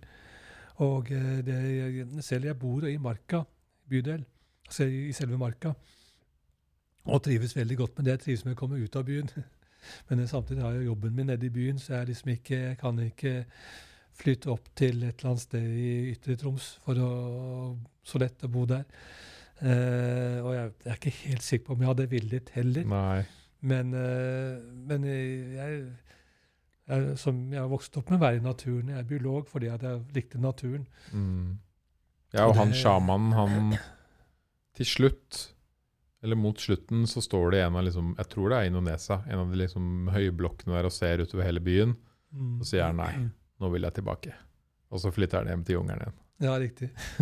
Så den, jeg- den vitenskapelige artikkelen jeg har skrevet som har fått eh, flest siteringer kan Hver gang en annen bruker min artikkel i sin artikkel, så får jeg en sitering. Og den er, Temaet for den er det som kalles biofilia. Som går nettopp på- Biofilia? Biofili, eller biofilia. Det også om natur og mennesker har et uh, spesielt uh, kjærlighetsforhold til natur. Eller da Det, det, det den artikkelen går på, er om uh, nærværet av natur har betydning for mental helse og, og velvære. Og vi prøvde å se på eh, altså se, eller Vi var et litteratursøk hvor vi gikk inn på mange forskjellige studier. prøve sånn, sammenholde alle de studiene som er på det temaet, og prøve å dra konklusjoner om dette synes å stemme, at det virkelig har, at det kan dokumenteres at, det har, at vi har en sant, direkte fordel av å ha nærvær av natur. Og vi konkluderte jo med at, eller det, at det var vanskelig forskning og ikke lett å ha klare konklusjoner, men i at det er gode holdepunkter for at naturen betyr noe spesielt Mm. for mennesker. Ja. Jeg føler og tror det. Ja, jeg føler det også, men Ja. på den annen side, hvis du vokser opp i en asfaltjungel på Manhattan, ja. så, og så plutselig noen dropper deg ut i en eller annen uh, jungel i Ny-Guinea, så blir du antagelig bare skitteredd og vil Så hjem. det er sant. Så, så det er ikke Det som har formet deg, betyr kanskje vel så mye. Ja. Men hvis man, hvis man kunne dele menneskeheten opp, og den ene sant, bor i denne jungelen i Manhattan, og andre bor i naturen, så ville jeg trodd at i snitt så ville de som bodde i naturen, få det litt bedre. Mm. Ja, hva er det de sier nå? En tredjedel av alle unge jenter på Instagram får liksom uh, dårlig selvbilde av å være der. Ja, riktig. Ja, nei, det er jeg er glad jeg ikke er ung jente. Så det sier jo litt om påvirkningskraften til sosiale mediene, aviser og nyheter og alt mulig ikke sant, på folk. Ja. Men hvordan tenker du om det? For det er noe jeg eh, En veldig vanskelig Et vanskelig tema. Det er jo sånn Nå har vi hatt to år med to og et halvt år eller noe med covid. Mm. Og så kommer Ukraina nå. Eh, hvor mye skal man liksom følge med? Hvor mye skal man ta inn? For det gjør jo helt klart noe med ens egen lykke og syke. Det, det kan det. Det, Det det kan jo- Det har vært- forsket litt på det med hvorvidt eh, covid-situasjonen eh, skapte mer psykiske problemer og utover livskvaliteten. Og for de som var direkte berørt, så gjorde det ganske klart sant, at det er en eh, belastning. Eh, men ikke en veldig stor effekt. men eh, jeg tenker jo at dette er noe som eh, hvis, hvis man, eh, at Den enkelte person må vurdere hvordan en selv reagerer. Og hvordan en selv, hva som er bra for en selv.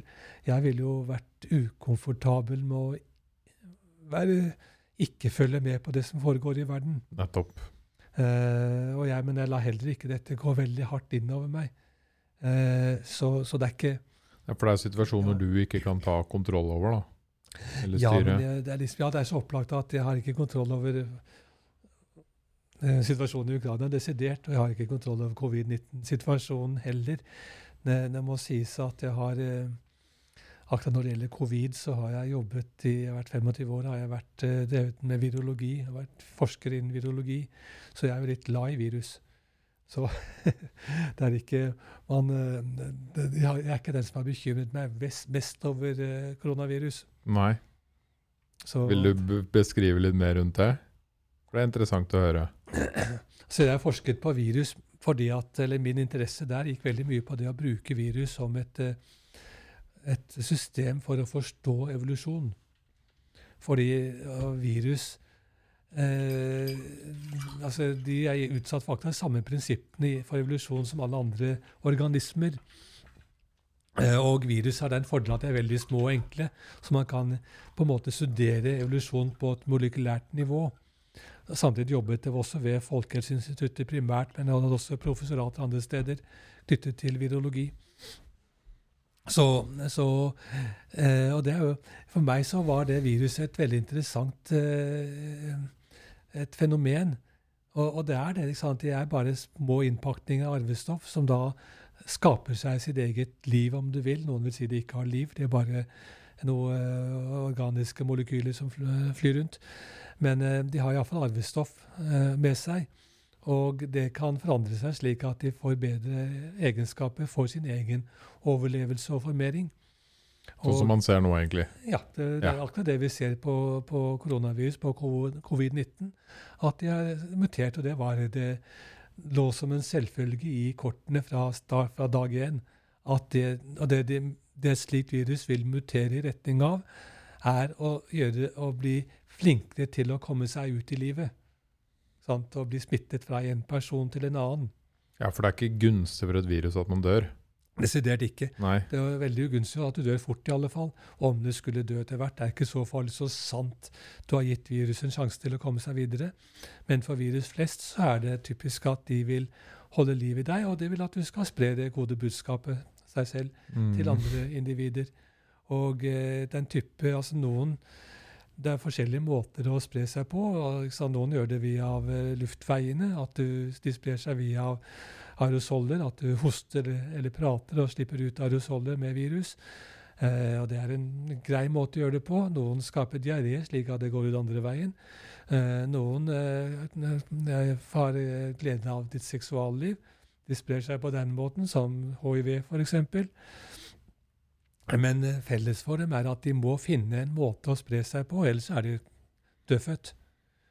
Og de må helst gjøre det uten at de eh, eh, før, før du dør. Og det, det, det, vi ser typisk, er at virus som har en lang historie sammen med oss mennesker, er ikke så farlig, for de har tilpasset seg oss. De, liksom, de henger med oss. og har, Det fins iallfall fire andre former for koronavirus som har vært til stede sammen med oss i, antagelig millioner av år.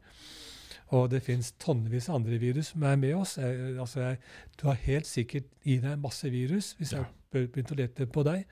Noen av de er helt, noen av de er, det er noen typer virus, som anellovirus, som alle går rundt med. Og alle har mange, ikke bare at vi går rundt med det, men vi har kanskje fem-ti forskjellige avarter av det i oss til enhver tid. Men vi merker de aldri. Fordi at de er, Antagelig merker vi de aldri. Fordi at de er så godt tilpasset oss. Men når det kommer et virus som egentlig er tilpasset et, en helt annet dyr, og så plutselig finner veien over på oss, så har vi et problem. Mm. Og det skjedde med hiv, det skjedde med ebola-virus, det skjedde med Eh, og det skjedde med covid-19, med SARS eller koronavirus nå. Og, da, og, det skjedde med fugleinfluensa f.eks. Og da har ikke vi et system, det er ikke viruset tilpasset en sånn passe lavgradig formering inni oss. Og så kan det plutselig være at det tar overhånd, og at det dreper deg. Men på lang sikt så vil jo, får man jo at uh, Eller det, det, vi kan satse på når det gjelder covid-19, er jo at det som betyr noe for viruset, er å ha tilhold i de øvre luftveiene. For det er deres sant, eh, flybillett videre. Så det å komme ned i lungene og inn i systemet ditt, i blodet ditt, er ikke noe som skulle bety så mye for viruset. Og vi kan håpe at det sant, beveger seg i den retning. Og omikron synes å være et lite skritt i den, den retning. Og så finnes det vel to typer virus. Altså, er det DNA-virus og mRNA? Eh, ikke mRNA, RNA-virus. RNA, det finnes, jeg. Du kan godt dele virus inn i to hovedtyper. Sånn, ja. ja. Og DNA er det ene, ikke sant? Ja. Var det riktig? Ja. ja. Og det er på en måte den treigere sorten? Eh, ofte ja. ja. De vil ofte være Ja, det stemmer nok, det. Korona er et RNA-virus. Og ofte er de enklere og mindre. Eh, mens uh, herpesvirus er typiske DNA-virus, og det er også noe vi går rundt med alle sammen. Men de gir uh, ofte ikke noe direkte sykdom. Men det fins også mange RNA-virus. Det jeg leste om, leste om var at liksom, du kan se på det som at DNA-virus er en stor, gammel bedrift som IBM eller noe. Og RNA-virusene er som startups som liksom prøver å utvikle seg hele tiden. Finne nye måter å Mens DNA-virus utvikler seg veldig mye treigere. De, de, de, utvikler seg treigere gjerne fordi at de har en, de har ikke, de har en litt mer, Det er litt mer omstendelig å få forandre arvestoffet deres. Så dermed så vil de ofte være mindre raske til å utvikle seg. Eh, men alt, altså alt liv går tilbake like langt i jordens historie. Og virus, eller den type fenomen var antagelig med oss med i livet på jorden fra omtrent starten av. Så, så alt har jo like lang evolusjonshistorie, egentlig. Det er bare at en ja, DNA-viruset er oftere litt større og litt mer finurlige, og litt kanskje ikke så raskt tilpasningsdyktige som RNA-virus. Mm. Tror du vi kommer til å se flere sånne forskjellige nye typer virus de neste årene? det, det, vi må regne med at det kommer nye zoonoser, altså nye overføringer fra dyr til mennesker. Og eh, altså influensa, den type overføring av influensavirus har hengt så har vi levd i skyggen av i ja, så, altså Det første kjente tilfellet var jo spanskesyken for 100 år siden. Så den, noe sånt kan komme igjen. Eh, det kan komme nye avarter av koronavirus som viser seg da å ha andre egenskaper, og som da skaper nye epidemier. Uh, og det er også masse andre virus som kan plutselig uh, hoppe over og, og skape problem. Uh, det sagt så er det jo Det har vært, har vært Vi har tross alt levd, levd, med denne muligheten så lenge det har vært mennesker, egentlig, men den er blitt mye større ved at vi har stor befolkningstetthet, og at vi har at mennesker reiser så mye rundt så det, og lever så tett på hverandre, så gir vi jo virusene en mye bedre mulighet til å klare seg. Ja, og vi lever vel også med Altså dyrene lever jo dårligere. Og nærmere menneskene. De lever kanskje nærmere menneskene nå. Hvis dyrene ikke er der, så er det problemet borte. Men de lever det, det, er mulig at det også kommer inn, men jeg tenker mer at det at eh, når det først kommer noe, så ligger det, er, det, er forholdene bedre til rette for at viruset skal slå seg løs i dag, enn det var for 1000 år siden. Men når det er sagt, så er det jo ikke så Den covid-19 som, som, vi har gående nå, er jo ekstremt. Det er ikke spesielt. Vi har ikke sett noe lignende. Det måtte være spanskesyken i 2019, eh, 1919. Men det er en Den gangen hadde man Og den gangen døde det 40-50 millioner, kanskje. Mye mer enn det har dødd så langt nå. Men den gangen hadde man ikke de mulighetene til å gjøre noe med situasjonen som vi har nå. Og de mulighetene i form av da vaksine, først og fremst, men også medikamenter, de bare vokser. De blir bare bedre. Og suksessen med den vaksinen vi bruker mot uh, covid-19 uh, Det er en helt ny type vaksine som ble tatt i bruk nå først i forbindelse med covid-19. Men det er en vaksinetype som det er ganske lett å tilpasse nye virus, og som man dermed tenker at man skal sant, stå stå enda bedre rustet om det skulle komme et nytt, et nytt, uh, en ny type pandemi. Så du er ikke noen vaksinemotstander, Bjørn? Nei, jeg tror på vaksiner. Jeg tror ja. helt, altså Vaksiner kan, være, de kan ha sine uh, negative effekter, i likhet med alt annet mennesker finner på. Men det er så opplagt at uh, den gevinsten ved vaksine er så enormt mye større enn baksiden ved dem. Mm. Så hvis av av det, veldig mye annet vi tar av medikamenter, har en mye mer tvilsom cost-benefit-profil enn vaksinen har. Som, som for eksempel? hallusinogener. Ja. Har mangel på noe bedre å finne på. Men også av, eh, ikke, og ikke minst av det som man tar ellers av, av sant, eh, beroligende valium og annet uh, i forbindelse med psykiske lidelser. Mm. Hvor det er en mye mer tvilsom cost-benefit-profil. Men du sa det at virus sannsynligvis har vært med oss siden starten. Hva med bevisstheten? Men virus har vært med, sant? Virus er med alle organismer. Ja. Alt fra bakterier oppover. Så bakteriene i tarmen din er angrepet av massevis av bakterievirus. Så virus er med alt, og alltid vært med alt. Eh, bevissthet er noe som et selektivt utvalg av dyr har fått uh, utdelt av evolusjonsprosessen. Mm. Og jeg var vel så vidt inne på det at jeg tror at det startet med de tidlige krypdyrene. Og det som kjennetegn, kjennetegnte dem, var, eller det som skjedde den gangen for noe over 300 millioner år siden, var at, at disse dyrene beveget seg ut av havet og opp på land. Og dermed over i en helt ny type miljø med helt andre type utfordringer. Og det krevde antagelig en ganske drastisk omstilling. Og det krevde tilsynelatende en vesentlig da oppgradering av nervesystemet. Så krypdyr har vesentlig bedre nervesystem enn det amfibier og fisk har. Og fugler og pattedyr har enda bedre hjerner, om du vil. Så den oppgradering som skjedde der, var på en måte et skritt i retning av at vi fikk bevissthet. Og jeg tenker at det som det som førte til det skrittet, det som gjorde at det skrittet faktisk skjedde, var nettopp det at evolusjonen fant på å bruke følelser som en strategi for å styre atferd. For det at det som så det aller meste du kan altså Insekter og ikke minst blekksprut kan stå for veldig avansert atferd. En blekksprut kan finne fram i en, et maze, altså en, en, en, et, et, en labyrint. Eh, insekter kan Biene har en, en, en, veldig avansert form for dans som kommunikasjon med andre bier. Og alt dette er veldig avansert type atferd, men den er antagelig bare programmert rett inn i, i nervesystemet deres.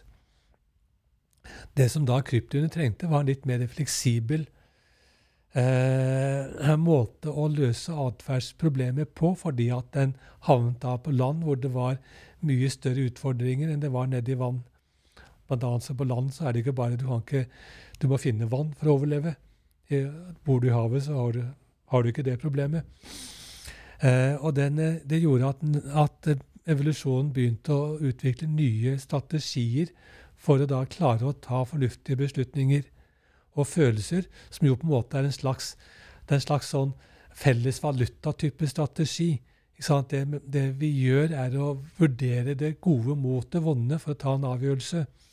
Hvis du som, en, som et uh, krypto- eller steinaldermann står foran en, en, en, uh, en, vannkilde, og du er tørst, men du vet at det kanskje ligger en løve på lur bak en busk i nærheten, så vil du vurdere hvor mye betyr det for meg å få drikke av det vannet, og hvor mye risiko i form av å bli angrepet er jeg villig til å ta. Og det er en sånn det gode mot det vonde type avgjørelser. Og den gjør, eller følelser gjorde, gjorde oss i stand til å ta den type avgjørelser på en god måte. Men det er det med følelser er at de krever evnen til å føle. Og evnen til å føle innebærer evnen til å oppleve noe. Og ingen andre ting ved hjernen som jeg kan tenke på, krever egentlig det.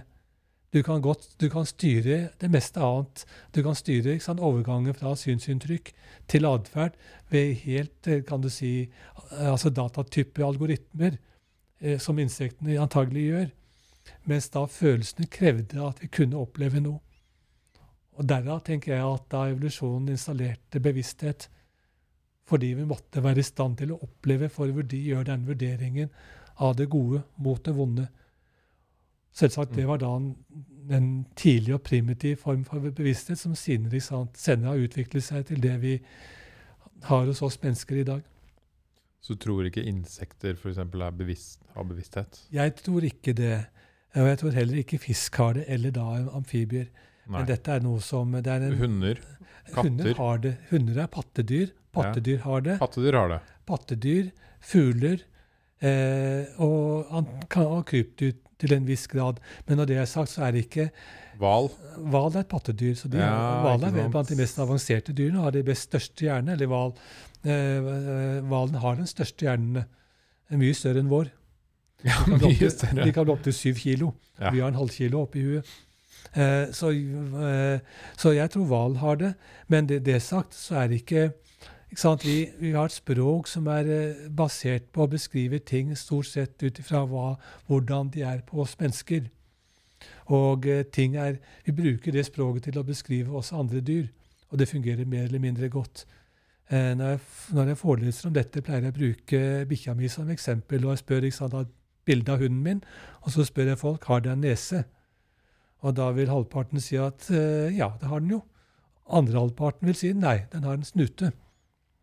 Og det er fordi at dens nese selvsagt er forskjellig fra min nese.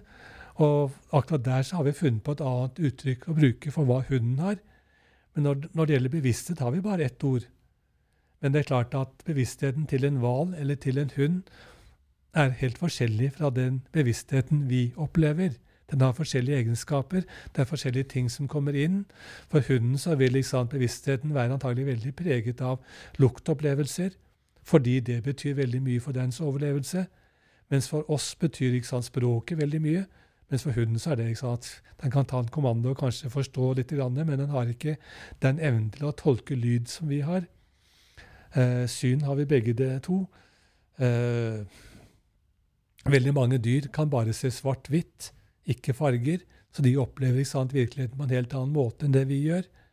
Eh, så for dem blir oppvist, og bevisste opplevelser noe annet enn det vi har. Men de har likevel en form for bevissthet. Altså pattedyr og antagelig fugler, i alle fall. Mm. Hvordan prøver man å på en måte måle eller se hva som har bevissthet? Det er, det er krevende. og du kan, Vi har ganske gode måter å prøve å vurdere om et menneske har bevissthet. Og Det er ikke et så opplagt eh, det er ikke så, så dumt spørsmål som det kan høres ut som. Det er mange mennesker som man ikke vet om de har bevissthet. Mm. Ja. De ligger på sykehus, er i koma. Og spørsmålet er ikke sant, er de da Så de, de kan ikke reagere på noen ting. Men da det store spørsmålet er ikke sant, har de i seg kan du si, altså Når du sovner, har du heller ikke bevissthet.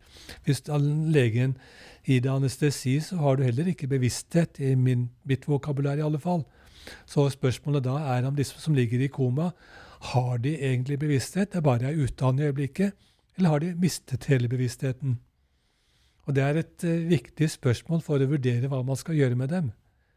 Hvis, bevisst, ja. disse er borte for godt, så er det, vil veldig mange si at da kan man like å slå av denne supportmaskinen og la de dø. Og det har vært mye diskusjon rundt dette. Og da har man da etter hvert funnet fram til noen metoder å måle på, altså måle hva som er av aktivitet i hjernen. Så man, man er ikke sikre på Det gir ikke et helt sikkert svar, men det gir iallfall en pekepinne på om det er sannsynlig at den personen har noen som helst mulighet til å gjenvinne sin bevissthet. Hm.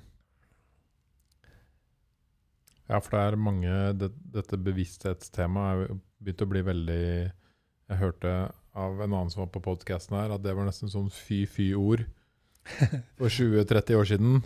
Innenfor forskning. I hvert fall for en del. Ja. ja. Men nå har det begynt å komme veldig tilbake. Det er et, altså altså, det er et stort forskningsfelt.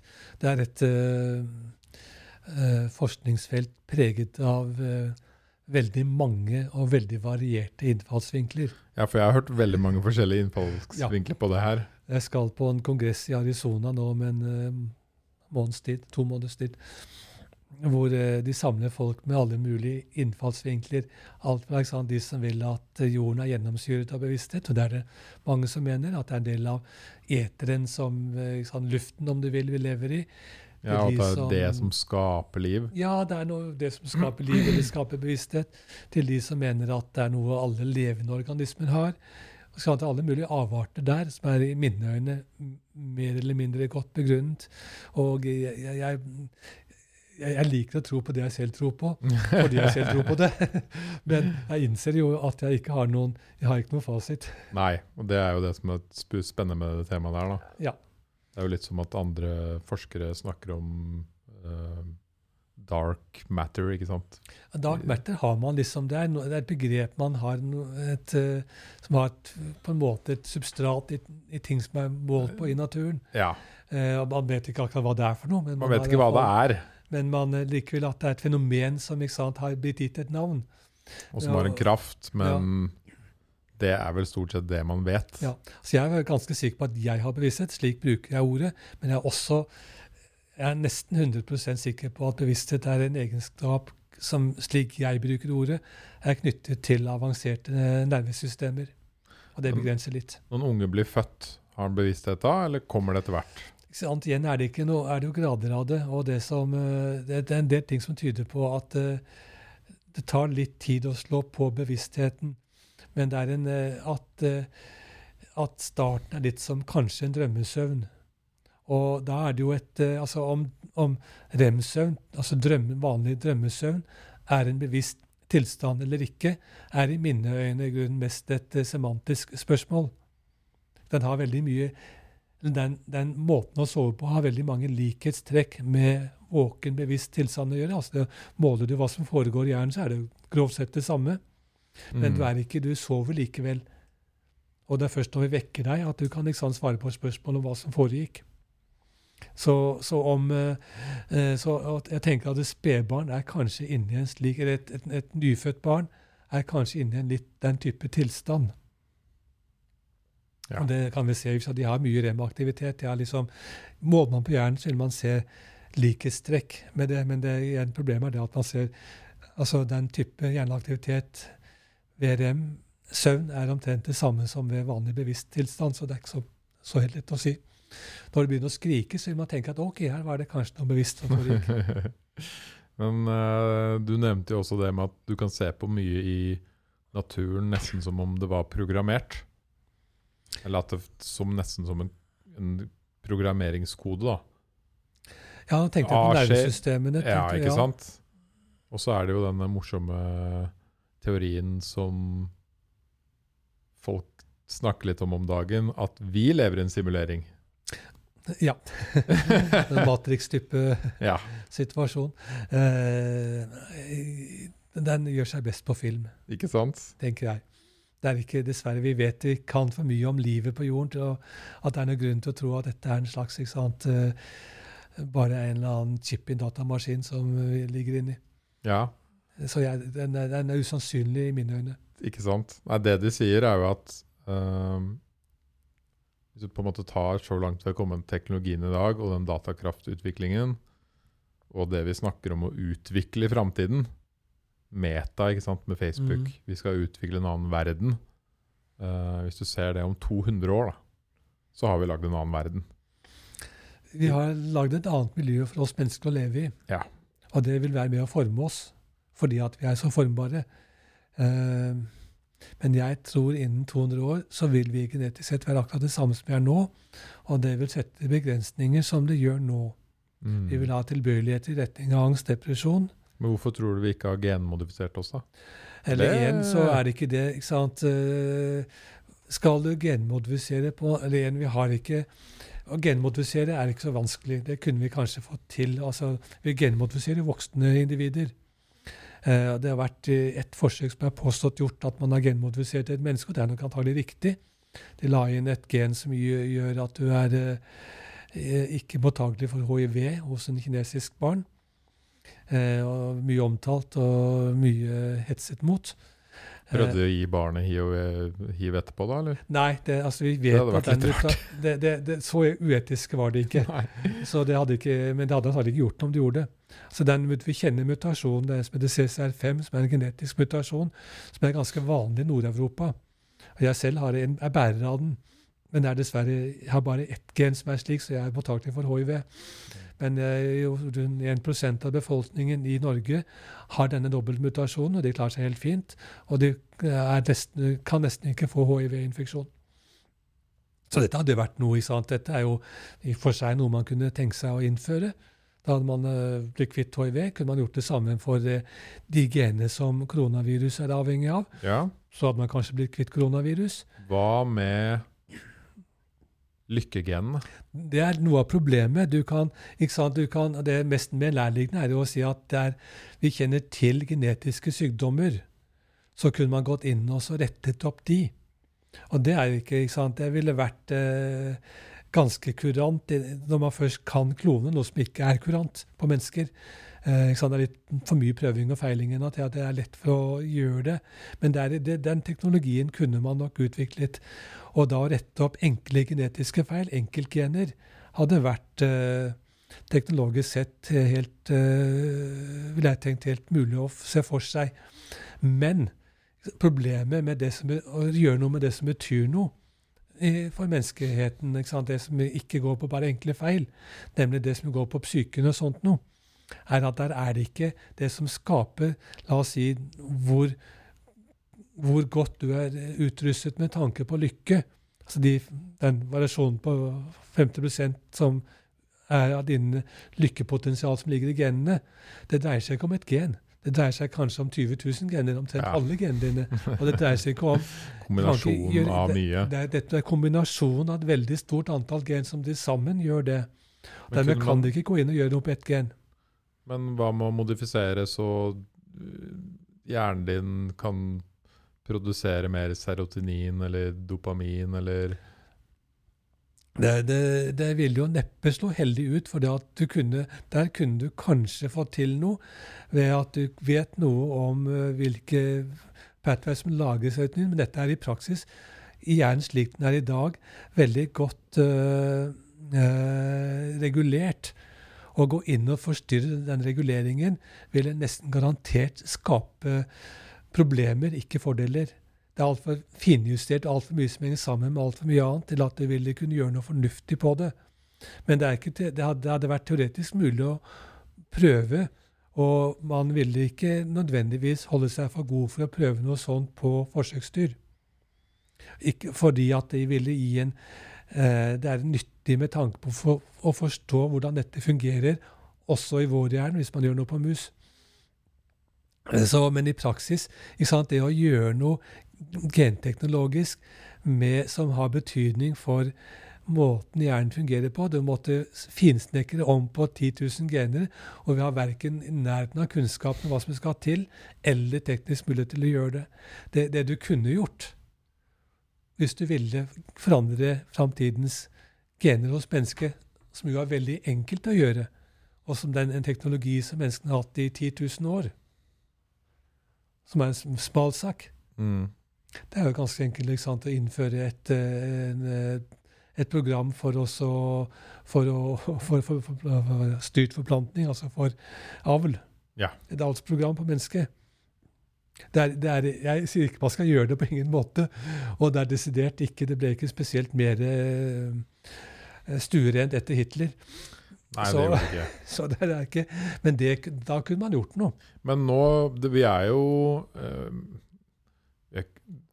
Det skjer jo i større grad nå at veldig mange som skal få barn, drar til Sverige og Danmark og sjekker om det barnet er, kommer til å få visse eh, hjernefeil eller hjernesykdommer. Ja. Så det er jo på en måte en liten begynnelse på det. Det er en liten begynnelse på det, og den er, vil jeg støtte. Den gjøres i en hel del andre land også. Ja. Der det er eh, stor fare for å få visse sant, genetiske sykdommer. Så er det én måte å gjøre det på, er nettopp å prøve å sjekke sant, og ut om den starten på et foster hadde denne uheldige egenskapen. Eh, og, det, og det kan gjøre noe for de individene som blir født, men det har omtrent null effekt på, på, på eh, forekomsten av de genene i menneskeheten. Mm. For å gjøre noe med forekomsten av genene i menneskeheten, så kreves det helt andre typer tiltak. Så, Det er spennende. så det, det du gjør? Veldig mange av de sykdommene som er genetiske, som er uheldige, er det vi kaller recessiver. Dvs. Si at du må ha to uh, uheldige gener i ett individ for å få sykdommen. Det kan du sjekke om ditt foster har, og dermed si at ok, vi, tar, eh, vi avbryter dette og tar heller et annet. Eller hvis det er snakk om kunstig befruktning, kan du si at det egget der hadde det en uheldig kombinasjon, så vi tar heller en annen en. Uh, og det er, det, men i praksis sånn, disse genene er Så det vil ikke på sikt føre til at man utrydder noen sånne problemer hos Ikke- menneskeheten? det, det, det vil eh, i, på, på det, det gjøre, Du kan gjøre at du kan utrydde sykdommen. Ja. Men de aller fleste av disse genvariantene fins hos bærere, ikke hos syke. Og du blir ikke kvitt dem, for vi går alle rundt med sant, den type uheldige recessive gener hos, i oss. Så skulle du ta bort alle foster som hadde en, en kopi av et slikt uheldig gen, så hadde du ingenting igjen. Så da ble du kvitt dem. Men det er ikke det, det, sånn, det, det funker ikke på Og i praksis sant, de, de antall av disse genene som fins i bærere som er syke, er en veldig forsvinnende andel, for det er sjelden at du får to som da hver har et uheldig gen til å pare seg og skape et barn med sykdommen. De aller fleste kopiene av disse genene fins i enkeltkopier hos bærere, og den, så, og den eh, forekomsten av de forandrer seg omtrent ikke. Mm. Men det er ikke så farlig, for da blir du kvitt sykdommen. Så er jo det det som betyr noe. Absolutt. Så jeg er i for seg tenker at det er en jeg tror det er en, kom, det er en type tiltak som, som, som vil i større grad komme og vil bli brukt. Ja. Helt enig.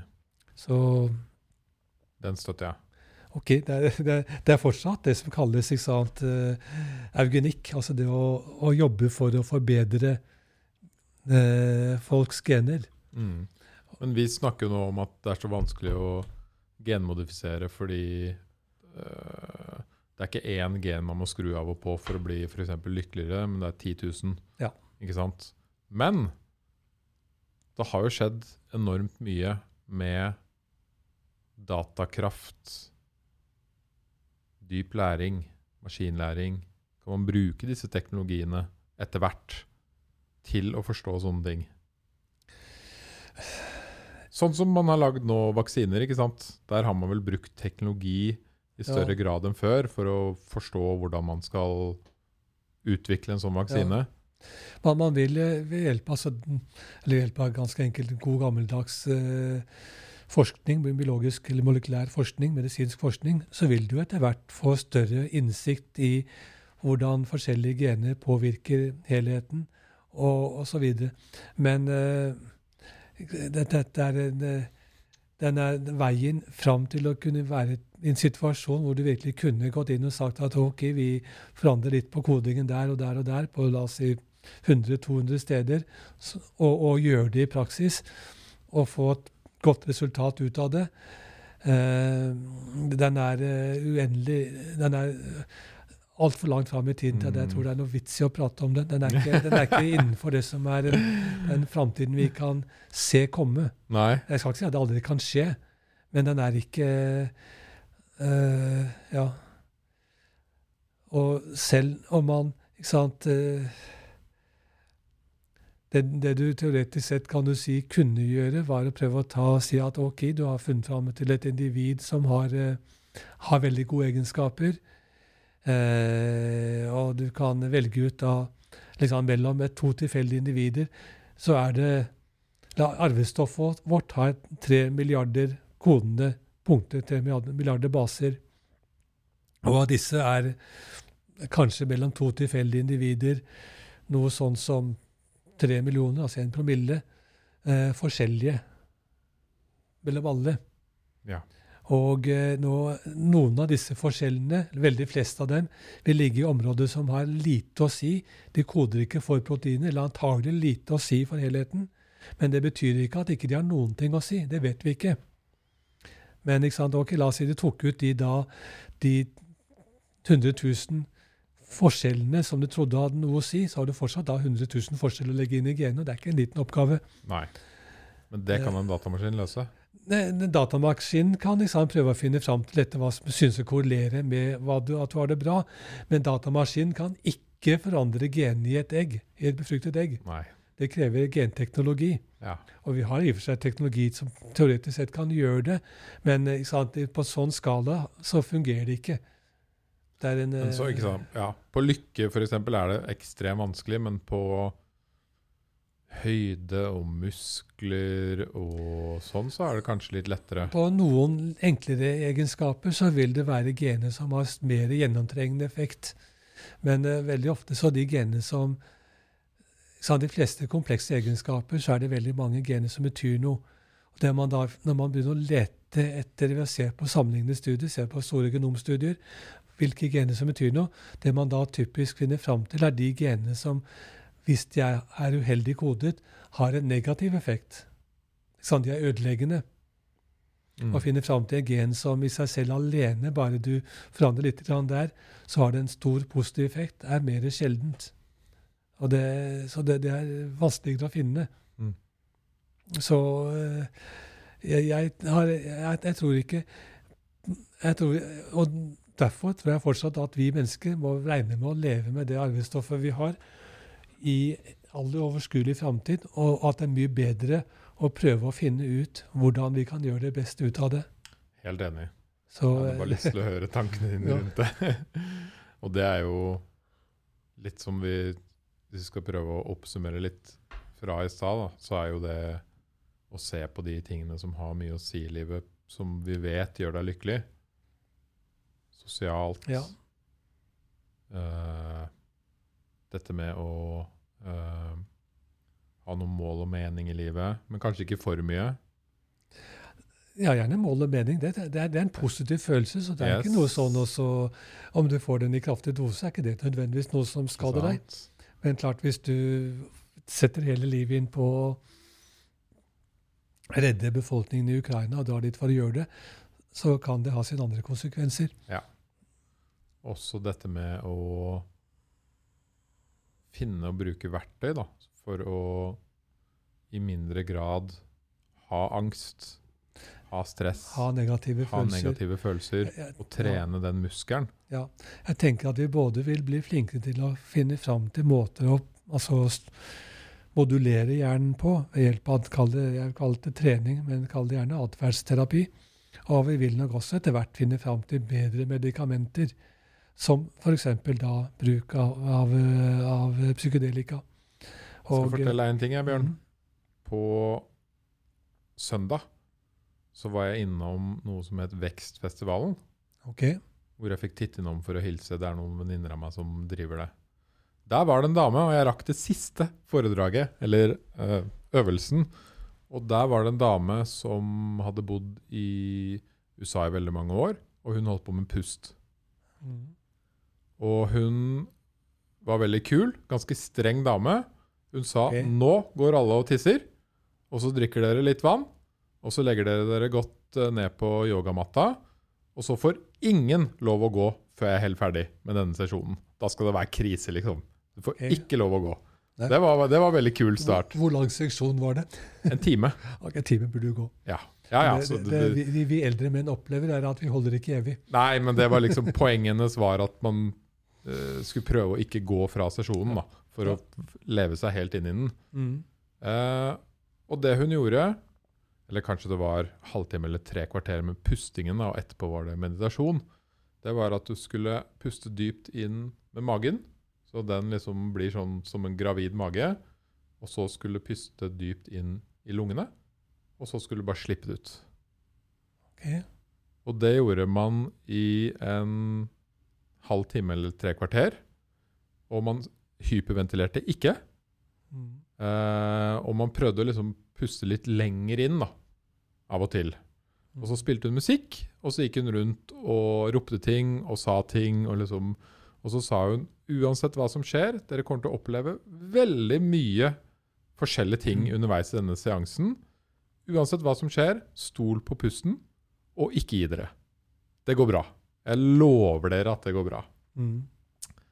Uh, og det var en helt sinnssyk opplevelse som liksom minner meg litt om at vi begynner nå å finne andre typer verktøy. da. Mm. Veldig rensende. Altså folk gråt masse, Okay. og folk lo masse. Og folk skreik. Og, og det var helt absurd. Jeg gråt masse. Ok. Ja, ja. Og det var Og musklene i hendene liksom eh, knøyt seg sammen. Og det sa hun før. Du kommer til å svette masse, du kommer til å være kald, du kommer til å være varm. Og så kommer du til å kjenne masse sånn rare muskel, muskelgreie. Og så kommer du til å føle at du er veldig rensa når du er ferdig, da. Ja. Og det her varte i en halvtime eller tre kvarter. Til sammen en time hele sesjonen. Men det var altså som å ta en psilocybin-reise. Farlig, mindre farlig òg, Ja. mye mindre farlig, veldig Mm. trygt. Eh, og vi var kanskje 50 stykker. Mm. Og alle fikk den samme liksom, rensende opplevelsen. Da. Jeg syns sånt er både gøy og interessant. Det var, Det var Si fra neste gang du skal ha det. Altså, det var helt Ja. fantastisk. Jeg får sånn frysninger av å bare tenke tenke på det eh, liksom, verktøyet som Mm. egentlig bor inni oss enda. Da. Og det, det, det, sånt finner man fram til. Det er mange, det er, det er mange sånne strategier som hvordan du kan påvirke sant, eh, hjernen din ved mer altså ved den type teknikker, pust, eh, meditasjon eh, eh, osv. Og det er, ikke, det er noe av det sant? Jeg, jeg sa inne på i sted at det er vanskelig å trene hjernen. Det er mye lettere, Du vet akkurat hva du skal når du skal liksom, trene en biceps. Men Fordelen med hjernen er at det er veldig mange måter å gjøre det på. Det er mange måter du kan Ja. nå fram til å påvirke hjernen på. Har du ikke sant biceps, er det bare én ting du kan gjøre. Så, så, og det eh, psykedelika for meg også på en måte kanskje det å, litt å trene hjernen. Kan du klare det ved pust? Og det, du kan helt klart indusere en, en, eh, den type Altså du kan hallusine- hallusinere bare ved sant, å gå inn i, i, i, i alle spesielle typer pustøvelser. Så det er helt klart du er mulig å påvirke hjernen på veldig mange måter. Eh, og det gjør det både interessant og eh, det, skaper muligheter. Det gjør det. Det gjør det veldig interessant å leve. Og jeg, eh, den eh, jeg er så glad for at jeg fikk med meg akkurat den sesjonen. Ja, riktig. Og de som arrangerte det, de liksom grugleda seg skikkelig til å være med på det selv. Så det var eh, nytt sånn spennende verktøy som jeg ikke har uh, opplevd før. da. Mm. Og så er det som Og ikke, ikke minst uh, Folk får jo den samme rensende følelsen av å gå i naturen. ikke sant? Så alle, alle har forskjellige verktøy som kan funke. Ja, Den artikkelen vi skrev om biofilia, gikk jo nettopp på det. altså Hva, hva slags effekt kan du håpe å få av å gå i naturen? Hva kan det hjelpe deg å ha utsikt fra sykehusvindu mot Ja. natur eller mot by? Og sånne ting. Så jeg, det, det var indikasjoner på altså Det er en del forskning på sånt, og ja, det var indikasjoner på at natur kan hjelpe. Og det er også det, det med de andre typer øvelsene er eh, det er krevende forskning. Mest fordi at dette fordi hjernen er så lett å manipulere på så mange måter at der du ikke kan legge inn en god placebo I form av at noen tror de blir behandlet uten å bli behandlet, så har du i vet du ikke hva du får. Fordi av det du oppdager, at sant? Nesten, uansett hva du prøver å behandle med, og det kan være et rent mel, så vil det hjelpe fordi at placeboeffekten har stor betydning. Og vi regner med at selv med det tradisjonelle sant, arsenal vi har av medisiner for psykiske lidelser, så kanskje halvparten av effekten er ren placebo. Placebo er så stilig. Så, det er ja. så fascinerende. Så, så dermed så er det, det gjør det vanskelig å forske på, for det, men det gjør, det gjør det også den muligheten at de sa ok, så serverer folk placebo, da. Mm. Hvis det Ja. hjelper. Og det er som jeg sier til samboeren min også, hvis du skal ta multivitaminer, tro skikkelig på det. Mm. Ja. Da funker det. Uansett. Ja. Uansett om liksom vitaminen i seg selv Mm. kanskje ikke hjelper, så hjelper placeboen. Nå er det jo noen Hjernen er mer åpen En del sider ved hjernen er mer åpen for ikke sant, og placeboeffekt og tro. Har du et eh, del andre eh, helseproblemer, er i mindre grad mottakelig for det. Mm. Så man bør jo ha det litt i bakhodet, at det er ikke alt du kan eh, Det er ikke alt som du kan regne med å få hjelp til av. placebo. Nei. Men det var også interessant. En annen gjest jeg hadde der, fortalte jo om milkshake-studien. Okay. Hvor de hadde gitt milkshake til to forskjellige grupper mennesker. Eller delt en gruppe mennesker i to. Mm. Uh, hvor de sa til den ene gruppen at denne milkshaken er faktisk ganske sunn. Det er ikke så ille for deg. Bare nyt den. Det Ja. går kjempebra. Ha, kos deg med den. Den er ganske sunn for kroppen din, faktisk. Mm. Og den andre gruppen sa de denne milkshaken er skikkelig usunn. Det er bare dårlig for kroppen din. Og det er på ingen måte bra, men drikk den.